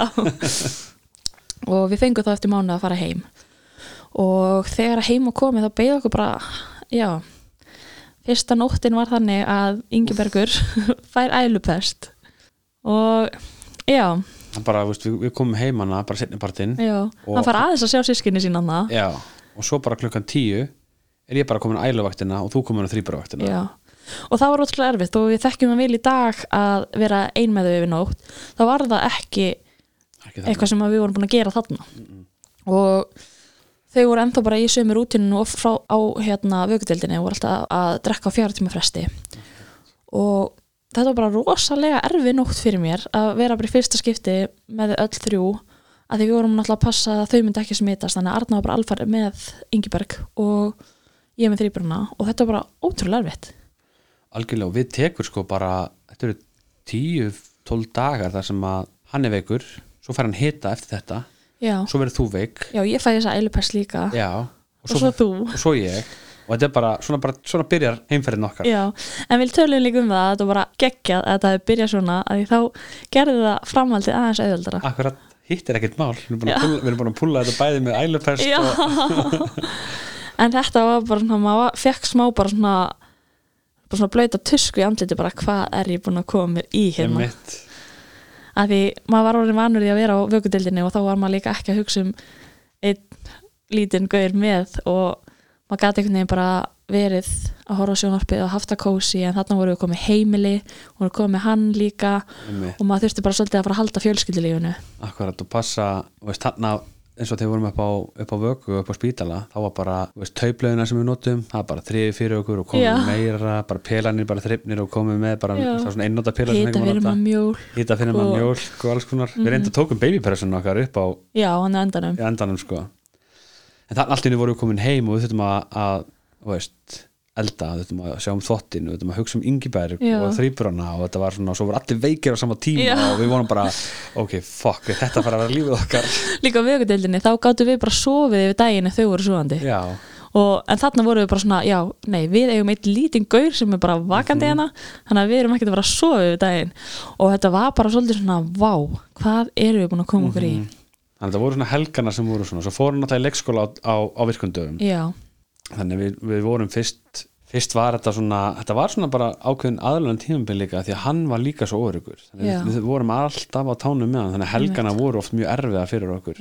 Við, og líka það bara að hann er bara að upplega það að mamma og pappi er að koma heim með nýja einstaklinga. Og hann var svolítið bara svona náttúrulega búin að vera hjá ömmu og afa í mánuð. Og var eiginlega bara svolítið að kalla á aðtikli frá okkur. Og allt í hennu þurftum við að vera að sinna þeim líka og við þurftum svolítið að passa það að vera ekki bæði að sinna þeim á sama tíma. Að því þá bara fer hann að kalla eftir aðtikli bara á einhvern við, hátt. við brendum okkur á því einu sinni. Þá, þá var þetta þannig að við sátum í sófanum vorum með eitt fyrir fram á okkur í týpurabúðunum og vorum að gefa sikkuru þannig vorum við búin að heima í heldur annar að þriði dagurinn og, og hann er eitthvað að leika við okkur. Hann er að fara upp og niður í sófanum og segja halló og við erum, við, við erum að svara þessu. Við erum að sinna honum líka og þeim. En svo kemur eitthvað chaos ástand þar sem að það fara allir að gráta saman tíma og eitthvað. Og hann heldur áfram að leika við okkur, við hættum að svara hann við erum bara að að sinna því sem að vera í gangi fyrir framann okkur. Og það allt inni bara kemur bara fjastring fljúandi í mömmu, mömmu sína. Já. Bara bombar í hana. Og þannig tókum við líka bara ákvörðun um það bara að við skiptum bara á. Þú ert bara með hann og ég gef þeim. Þú það takir lengri tíma. En bara við verðum að passa að hann finni ekki að við séum bara að sinna þeim en ekki honum. Akkurat, í dag, þá, þetta er allt annað í dag ha? já, algjörlega. En tókum við bara ákvörðunum að þegar hann er heima, þá erum við ekki bæði í gjöfum já. og við erum líka búin að legg- leggja rosalega mikla áherslu um á, það. við erum búin að leggja rosalega mikla áherslu á það bara að passa að hann verði ekki afbreyðsamur því þú veist eins og ég egnaðist tvíbra sískinni þegar ég var fimm ára þá var hann alltaf kannski aðeins eldri og áttaði mig kannski meira á hlutunum og ég var bara afbreyðsum fram eftir öllum aldrei sko. Það var örgulega afbreyðsum hangli á 25 ára sko. bara hangli egnaðist börn sjálfu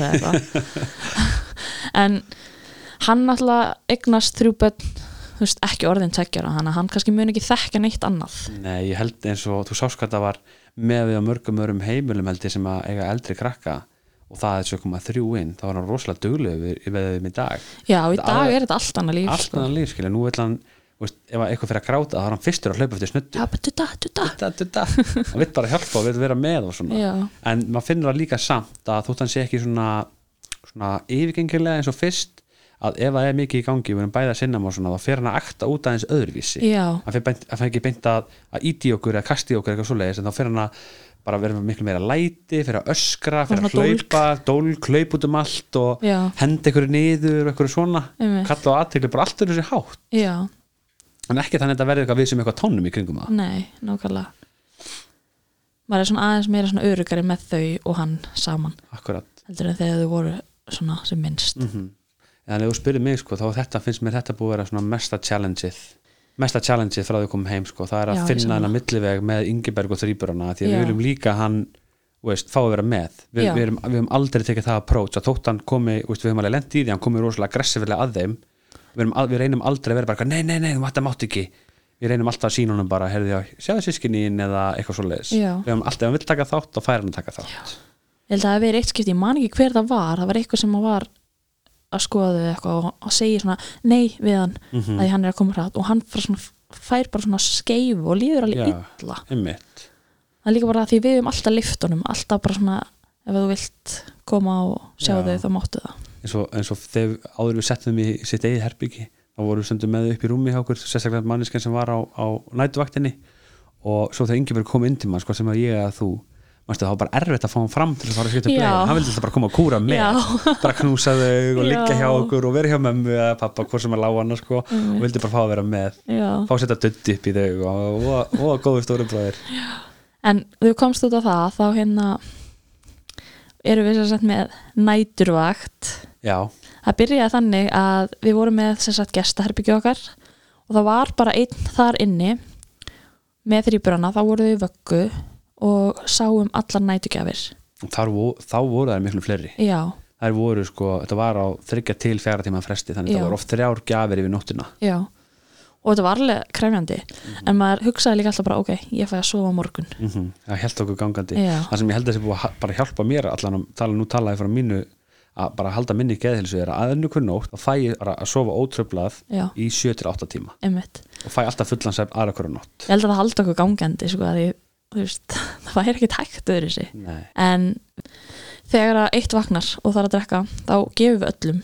Já, við það. já, hinn eru bara vakin við varum alltaf fengið að drekka alltaf öll. Það var aldrei einhver einn bara fengið pela. Að því ef að einn þrýburinn myndi vakna og myndi gefa honum og hann væri bara aftur að sofa þá væri hinn bara að fara að vakna eftir hálftíma klukkutíma og þá væri maður alltaf að vakna. Einmitt. þannig að það er einum að gefið og þá er bara allir, allir vaktir. Við tókum bara ákveðum, við lásum okkur til þannig að það var ekki til mikið íslenskt svona reynslusögur af þrýburum eða eitthvað svoleiðis, en við lásum samt veist, og fengum ráðgjöf frá þeim sem átt týpura til dæmis og svo bara erlendar sögur og þetta er það sem að allir bend okkur að halda fjölbyrunum í sömu rútinu, þetta er rosalega mikilvægt og við tókum þetta approach allir frá byrjun meira sinna á vökudeld sko, já, það spurði okkur manstu, á sínum tíma. Og við höfum alltaf gert það og, og, og eins, og, eins og í dag þá eru þau mjög in sync sko. Já, algjörlega við hefum verið rosalega því við sko að því nú hefur við talað um, um sambandsrákjöf og, og annað og við lásum eitthvað stær að það sem að fóreldra það sem að fóreldra rífast mest yfir þegar eignast börn það er yfirleitt um eins og húsverk uh, sepp og annað. Þannig við tókum ákvörðun strax frá byrjun að bara útiloka þetta. Já, og við erum bara með, þetta er bara basically bara vakt A. Þetta er bara Excel-skjál líka við sko. Já, við erum ekki með þetta á blaði Nei. í höstum á okkur. Já, þannig þetta er bara mjög skýrt þannig að, veist, að því að ma- álagið er mikið og maður er grömpi og það er vera veist, það er ekki að vera alltaf eitthvað þú gerir ekki þetta, Einmitt, eða, þú glemdi þessu. Akkurat. Þannig að þetta er bara, veist, þegar ég, á, þegar ég til dæmis á vaktina þegar ég er á frívakt til dæmis þá er það bara ég sem að sé um að gera nóttina tilbúna. Það er að þrýfa pelana og það er að sjóða það og að gera babybröskuna tilbúna og allt þetta. Þannig eins og ég segi, þannig að verkskipulega hjá okkar er bara mjög, þetta er bara mjög basic og það þurfum við aldrei, aldrei, aldrei að, að vera spá í því. Þetta er bara svona ákveðin hlutir sérstaklega því að það þarf að vera svo mikið rútína. Já, og svo svo sem er að frívakt hann sér alveg um Ingeberg að því hann sögur alla nóttina. Já. en þá fer sá aðili með hann í leikskólan mm og sér alveg um það. Og svo vorum við með þannig þegar að hann var í leikskólanum að þá svissuðu við. Mhm. þannig að ef að ég var búin að vera með þrýbarn alla nóttina þú fórst með hann á leikskólan og þá tókst þú við þrýbarnum og ég gætt lagt mér í 2-3 tíma. Akkurat en svo náttúrulega er hann búin að vera til dæmis eins og núna í sumafrí og þá erum við bara búin að öll vakna saman klukkan 8 og við bara förum að gera eitthvað. Mm Það er rauninni fyrir okkur auðveldara að fara bara út á lappið eða fara með hann að róla og eitthvað heldur en að, að vera inni með allan daginn. Já, erum við búin að fá svo mikið af svona aðtóðsendum um það bara hvernig nenniði að koma öllum hernum út bara hvernig nenniði að standa í þessu. En málið er bara að þetta er miklu auðveldara það er ótrúlega erfitt að vera með þau heima að vera með Ingeberg heima. Það er líka bara svo ósangjarska hvort honum að við ætlum að hanga inn allan daginn. Hann er bara mikill orkubólli og vill vera að róla og vill fara í hjóla og... líka bara leiðilegt að láta það bitna á honum og hann hafi eignast þrýbara sískinni að Akkurat. hann fá aldrei að gera neitt Þannig við tókum ákvörðun líka um það á sínu tíma að við ætlum að gera okkar besta til þess að láta þetta ekki stoppa okkur. Þótt að sé stundum auðveldra að vera kannski suma dagi bara auðveldra að vera kannski inni og og veist, gera ekki, veist, eins og við, við, erum, að- við, fyrum, við erum búin að fara hvað, þrísar í, nei, tvisar eða þrísar í hústyrkarinn með þau fólk stundum, við hitt fólk sem að hefur verið, sem þekkir aðeins til okkar sko, bara, bara kallir ykkur góð að vera hérna með allir þessi börnina sko. en manni finnst svona mest, mest að segja um þetta tímabil sem við erum á núna því við erum að gangi gegnum það núna. Einmitt, og það er alveg búin að vera rosalegt challenge að koma heim með þrýbara af því það voru mikil veikindi.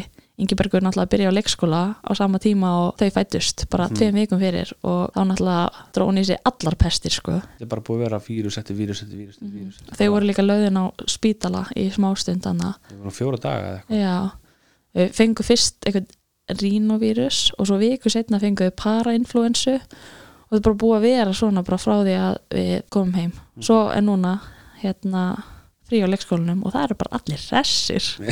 Maður er bara líku við sko bara á maður að taka krakkan af leikskólanum síðanlega nei, þetta er búin að vera strempin mánuður. Það voru mjög erfið já, það voru mjög krefjandi núna.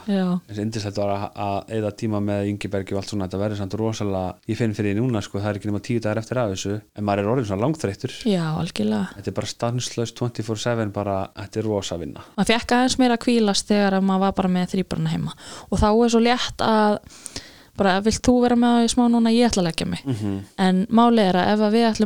mm -hmm. ef fara eitthvað bæði eða ef eitt, okkar ætlar að fara eitthvað þá þurfum við samt pössun. Ég veit það, ég get ekki farið út að slá grasin að Nei. fá tengdamömmu og pappa til þess að taka því- það er ekki hægt að vera með þau öll fjögur. Og það er pínu búin að vera svolítið svona leðilegt að ef í versta fallið þurfum að gera eitthvað svoleiðis Mhm. þá bara þurfum að setja Ingeberg aðeins í stólinn sinn og leifa hann að horfa okkar svo ég geti gefið þrýbjörnum og svo Akkurat. láta niður. Þetta þarf að vera rosalegt púsluspil. Akkurat, sem er samt svo Sem manni, veist, ég fæ svona mikið samverskap við þessu líka því ég einhvern veginn, mér finnst leiðilegt að Ingibergur er, er alveg pínu að gjalda fyrir það að við séum með þrýbara, við lendum í gjöfum og til þess að kaupa okkur friðin veist, til þess að fá frið til þess að sinna þreim unga börnum þá er hann svolítið bara svolítið stundum settur í fyrir fram að sjóarpið, Já, fara að borða sem að vill viltu snakk bara veist, til þess að halda honum góðum. Algjörlega. Þannig við erum búin að missa svolítið, finnst mér svolítið svona ákveðin prinsip sem við ætlum að vera með í uppeldinu. Um mitt við erum bara að missa það bara út af gluggan sko, því við bara að kasta út af gluggan og því við bara að kasta út af gluggan og það er einfallega bara því að veist, við höfum eiginlega ekkert, ekkert val sko. Nei, við þurfum veginn bara að reyna að vinna með það sem við höfum og Mhm. að reyna að láta hlutin að virka og ef þetta virkar þá bara, bara við svolítið það, að- já. en þar á móti þá náttúrulega reynum við að gera eins mikið með honum og bara vera duglega að fara út með honum og og við erum það. Ég Já. meina þótt ég segi sjálfur frá, við erum rosalega duglega að, að passa það að, að hann fái sína reyfingu, afþreyingu og annað. Þótt að þótt hann sé settur fyrir fram að sjóarpi kannski að við erum að sinna þeim inni og svona. Og veist eins og núna þið búið að vera sól og sumar hann er bara út allan, við erum út allan daginn með hann. Já, svo er líka búin að passa það bara að eins og, já það getur verið erfitt að vera með öll saman, að þú kannski fer bara með hann í sund og ég með þrýbörna með hann eða ég skýst með- til mamma og pappa í heimsókn með hann og þú er með þrýbörna með hann. Akkurat, er búið að vera svolítið líka svona emmitt, til að gera hans þægilega fyrir okkur. Emmitt ég fór nú með hann í smá ferðalega um daginn Já. bara feðgaferð, Já. þetta tókum Daniel frendans með en þar fórum við bara, og þú varst heima með þrýburana og hann fekk bara svona alone time með mér. Fórum til flateri til pappa og þú ert núna að fara eftir nokkra daga? Já, við ætlum mjög smá ferðalag til þess að fá smá alone time bara við mæðikinin akkurat, og líka bara fyrir þig að komast út og fyrir mig að komast aðeins í burt. Já, að því þetta er álag, við erum að allan daginn. Allan daginn. Að ger, veist, það snýst, veist, reyndar erum við rosalega við erum rosalega mikið rútínufólk þegar kemur að börnum okkar og við erum núna farin að ekki segja slíptreina en við erum svona hægt og bítandi að þjálfa þau að sofa allan nóttina og fara upp í ákveðin tíma. Yfirleitt eru þrýbörnir sopnaði milli 8 og 9 og við höfum þess að tvo mjög dýrmænda klukkutíma. Já, þá horfum maður á húsið sitt í rústi og maður er bara, neip, þetta eru tveir tímar sem ég ætla að njóta Já. fyrir mig. Við Þetta er bara sem ég ætla að rætta á morgun. Einmitt og ég meina við nýtum oft hádegin líka hádegislúrana og svona til þess að, að þrýju upp, upp, upp eftir okkur og svona. Annars, annars hann að kannski komast inn á það sko að við fengum Reykjanesbær og alveg lofskilið sko það er þau er hálfpartin grip okkur svona í, veist, og við fáum núna, við sóttum um sem sagt svona heimilishjálp og fáum þrjá klukkutíma á dag sem við ráðum hvort við tökum út í umönnun eða þrifum. Þannig basically erum við að fá umönnun þrísari viku í þrjá klukkutíma og svo tvisari viku kemur ykkur og bara þrýfur húsið okkar alveg bara Já. skúrar, ryksuar, þrýfur baðin, sturtunar, annað. Við búum gigatist hjálp. Já, ógeðslega þægilegt. Já. og much needed.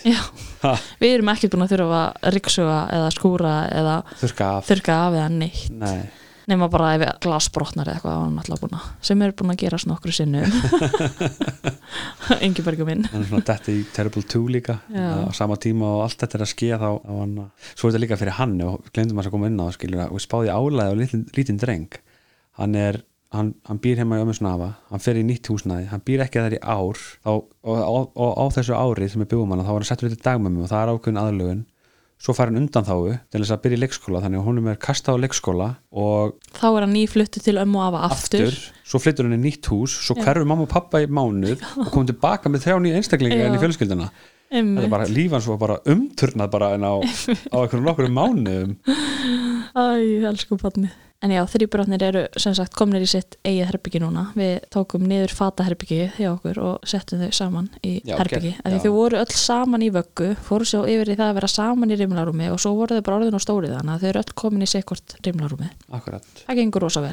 Þannig að við prófum að sofa í sama herbyggi, herbygginu, bara hjónherbygginu, eina nótt og vera, vera samt með sama system, hann að eitt sé á þrýbravakt. En þá var hinn aðilinn alltaf bara að vakna rosalega mikið og maður var aldrei að fá þennan fulla svepp sem maður var búin að vera vanur að fá. einmitt Þannig við fórum bara aftur að sofa í sikkur herbygginu og sá sem er á þrýbravakt er bara hjónherbygginu og sá sem er á frívægt er í gestaherbygginu Já. og gestaherbyggi er nær Ingebergsherbyggi og þá getur sá aðili kannski hlusta eftir honum líka. Akkurat, en hann er alltaf sefur alla nóttina. sefur allan nóttina hefur alltaf gert sko. Nema hann er nýbyrjar að klifra úr rimlarúminu sínu. Það er ákveð tímabil. Já, ah, allt í henni bara mætir búin að lúla Búnalúla, allt í henni mætir hann bara. Sko við fórum mjög snemma stað með það að við lásum okkur til eftir ungbarna seppurðargefa og fórum mjög snemma stað að slíptreinan og hann er mjög sjálfstæður þegar kemur að sefni. Já. Við hefum alltaf bara sett hann upp í hann bara sefur. Hann bara sefur. Já, hann bara sefur og hann fer að sofa klukkan 8 og er vakna 7-8 hann sefur og hefur gert þetta bara frá því að hann var bara unga barn. Já, við þjálfum hann alltaf í þetta. Og svo allt í henni núna erum við að lendi í smá vesinni með hann því að, að því núna allt í henni er hann ekki fastur í rúminu sinni sko. þannig að hann er alltaf bara farin að mæta alltaf í stofu bara búin að lulla búin að lulla en þetta er satt að koma tilbaka. Þetta er bara, þetta er eins og með hitt bara, þetta er bara þúlum að maður bara fyrir rólu Aðlögun bara líka. já, aðlöfum, maður leggur hann bara upp í og segja þessi nóttinn og þetta er allt eins og að vera. Já, og svo svo má ekki gleyma að segja frá rútunum sem við keftum ég er ekki að tala um e- eitthvað, eitthvað fjölskyldu sjömanabíl nei, við keftum með rútu. Já. Þetta þetta er eins og stór taxi. Þetta er eins og stór taxi. Já, Volkswagen Multivan, þetta, er- þetta er samt sko eins mikið og ég elda, elskaði hinn bílun okkar. Er þetta geggjaði bíl líka. Mhm. hann er með risa skott sko, öll sætin sem er svo þægilegt. Við getum að stýrt plásinu svolítið því að þetta er basically ástæðan okkur kefti þennan, þennan bíl var og fram í sætin eru tveir svona kaftinstólar og svo eru bekkurinn bak við það ekki bekkur heldur aftur tveir kaftinstólar og svo er bekkur. Já, þannig að það sé sjans fyrir fóreldrana að labba aftur í. Já, segjum við segjum veist, í blindbíl eða whatever bara og þarf ekki að fara út úr bílnum og kæla bílinn þú getur bara labbað veist, úr fram í sætinu og aftasta bekkinu og þetta sinna börnum þar. Við vorum búin að leita ótrúlega mikið af bíl bara strax þegar við fréttum að þetta vona þrýburum og við fundum eiginlega aldrei eitthvað nákvæmlega það sem við vildum.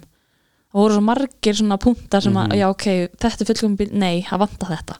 Og svo kom þessi bíl og ég var sko komin átta vikur á leið þegar við kaupum hann. Mm Þetta var líka bara, ég var búin, að leita allstar af sömu eiginleikum okkur langaði í. Já, og það var það bara er ekki mikið um hennar bíl þannig að, var þetta að fá hellingaðum sko beinskiptum Já. en ég bara vildi ekki svo einskiptan nei og svo var líka svo mikið bara, ok, hvað í anskoðanum erum við að fara að gera við hennar bíl ef við missi fústrin um mitt og við vorum bara búin að ákvæða þá bara, bara förum við og bara ferðumst Bara og breytum honum í húsbíl og já, förum þetta bara um og við vorum bara, við ætlum að kaupa hana bíl að þetta er að fara að gerast, þetta mun hefnast og, Mhm. og ég man að þú settir mynd af bílnum á Facebook og hvað sagðir þú?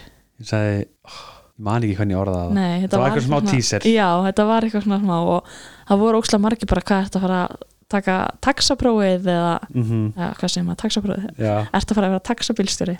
Frænka mín segir, eru fjórburur á leiðinni? Já, það langaði okkur að koma þetta bara já, næstu bara við. Já. en já, þetta var svolítið, svolítið stórstökana en við sjáum ekki eftir í dag. Nei, ég er rosa fyrir þessum bíl já, og mæli með fyrir fjölbura sem Já. eiga veist, kannski tvíbura og, og tvönu börn. Já, hvernig sem það er. Nefnitt þetta er alveg drauma svona fjölskyldubíla því að strátt fyrir það að vera með fjóra bílstóla og fjóra ísafægsfestingar og allt þetta sko, þá kem ég sko þrýburavagni, ég kem sko Snap and Go sem er svona bílstóladóti í báðum og vagninum hans, Ing- eða kerrunars Ingiberg sko. Já, það er ferðarlega svona, það kemst endalust í þetta skott þrátt fyrir að vera með allt þetta fólkin í nú líka það við erum mjög ána með hann. Það er mjög samt skrítin tilhugsun að vera allt í einu bara á okkur rútu líka við. Mm en já, við ætlum að líka að koma inn á, á ljósmöðurina já, við hérna, að því þau eru fyrirbúðurar þá fáum við ljósmáður alltaf heim eða til að byrja með hana. Mm þannig að við mætum ekki í ungbarnavend heldur kemur hún alltaf heim og viktar þau. Einmitt, það var mjög þægilegt. Já, það var mjög þægilegt að því við fórum með þau fyrst annum daginn og vá, þetta var bara erfitt. Mm að við mætum hann með þrjú börn og við þurfum að taka öllu fötunum til þess að vikta setja aftur í fötin, nýbleia og maður lappaði bara út hann að sveittur sko. -hmm. samt, þú veist, eins og við varum að segja um daginn ég er örgulega fljótari að skipta á þreim börnum bleiu núna heldur en því ég var að skipta bara á Ingibergi á sínum tíma Já, það er margt svona sem maður hugsa bara svona, alveg svo ég sagði um daginn mér varst erfiðara að verða mamma í fyrsta skipti með eitt barn heldur en eigna stríparana já, andlega Já, mm Mhm. auðvitað, Já. auðvitað, auðvitað. Alltaf miklu meiri vinna. Já, en bara svona, veist, það var svo mikið sjokk úr frá því að geta gert allt sem þú vilt og allt í einu ertu orðin bundin að, Mhm. þínar þarfir eru ekki já, efstarleikur já, einmitt. Allt í einu er bara, þú bara svolítið sett bakvið, en þarna er maður einhvern veginn vanuð því að vera mamma, maður er vanuð því að vera um bann og þá er ekki mikið að breytast þar, nei, þrátt fyrir að sem er í vinna. Já, þetta er miklu meiri vinna, við erum alltaf að og svo er þetta svona margt sko, veist, og við vorum alltaf meðin klukkutíma að koma okkur út öllum Já. út og í bílinn sko. Og það er að veist, gefa, og þá meina ég með gjöf. Þá Já. gefum við þeim, við erum að klæða þau við erum að gera bílan, bílstofnun og bílinn reddi og svo Ingiberg og allt þetta.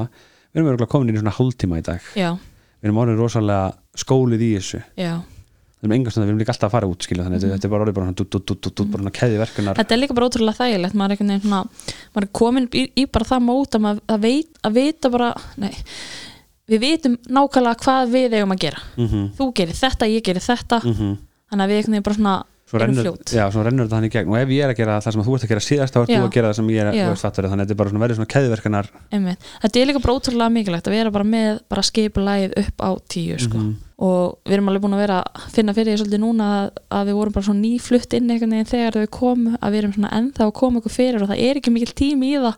Nei, þannig við þurfum alveg að hafa meira skipulæra heima hjá okkur en það er bara svo erfitt að því við komumst ekki í það við erum alltaf að hugsa um börn. Emmitt og þannig að maður hefði alveg vilja að fá afhendalega svolítið mikið fyrir Mhm. til þess að geta klára þetta allt að því nú er þetta allt svolítið svona bara í stoppi. Emmitt og maður þarf að koma þessu í lag Mhm. til þess að geta verið rosalega skipulagur Akkurat, og við, eigum alltaf skipilögs við erum búin að kaupa alltaf svoleið sko það Já, já. kom, Það bara er höfum ekki tíma. Nei. það fór líka svolítið skelli við vorum nú byrjuð og vorum veist, leiðum að búin að lenda heima með þrýburana og svo var Ingeborg í leikskólanum og við vorum orðin minna þreytt og það var orðin meira svona rútína og við vorum svona vanari þá vorum við byrjað að vera duglega að, að aðeins að byrja en svo bara, búm, engin leikskóla lengur og þá er bara allir dagarinn sem snýst um Já, við talum náttúrulega aðlum það að við, við erum á því tímabili núna Akkurat. náttúrulega miklu lengra þar sem að hann var á leikskólanum en, Einmitt, einmitt. en það er búið að fara allt í svolítið kei og sérna hjá Mhm. okkur núna þar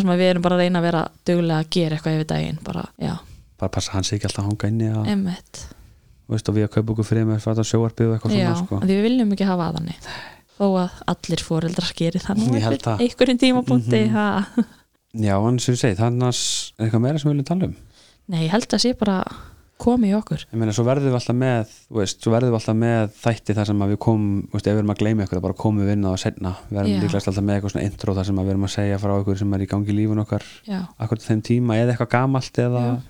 Og ætlum svo að ræða eins og við höfum komið inn á við aðra fjölbura foreldra og já, fjölbura og já, þannig að þetta er eiginlega bara svolítið svona þáttu til að fá insinn í fjölbura lífið og eiginlega bara svolítið til að tala við aðra bara svona til þess að sjá hvernig gengur þeirra líf, bara svona sjá Akkurat. hvað býður okkar. Einmitt, þeir sem eru komið stittra og þeir sem eru komið lengra líka sko, og kannski búin að upplega allt sem við erum búin að upplega algjörlega, bara svona heyri þeim sem eru kannski ennþá á meðgöngunni og þá bara svona já ok, ég man eftir þessu og Mhm. Akkurat. ég tengi þarna og svo bara svona já ok, þetta er eitthvað sem býður mín og Mhm. ég held að þetta verði svolítið skemmtilegt verkefni við Já. munum örgulega ekki geta gert mikið saman næstu árin en þetta verður svona litla verkefni okkar Já, ég veit ekki hvort við byrjum þetta því að, að því að við erum svo ógæslega spennt að gera þetta eða hvort þetta var til þess að við erum með góða afsökun til að fá þryggja tíma pásu fyrir börnunum okkar í viku nákvæmlega en eins og ég segi, eins og við komum aðeins inn á áðan það verður þetta samt líka, veist, við ætlum að vera að reyna að vera einlægin með, veist, sambandið okkar og, og koma inn á veist, veist þunga hluti líka, þetta verður kannski ekki bara glens og, glens og grín. Og svona, já, bara leifa bara fólki að fylgjast með bæði okkur, henni gerum þetta podcast og, og fá insinn inn í fjölbæra lífið, já, basically, sko. Og reynum að koma þess vel frá okkur við mögulega getum, nákvæmlega. Ég segja bara takk fyrir að hlusta. Það segir bara bless í bil bless í byli brúm búm tss.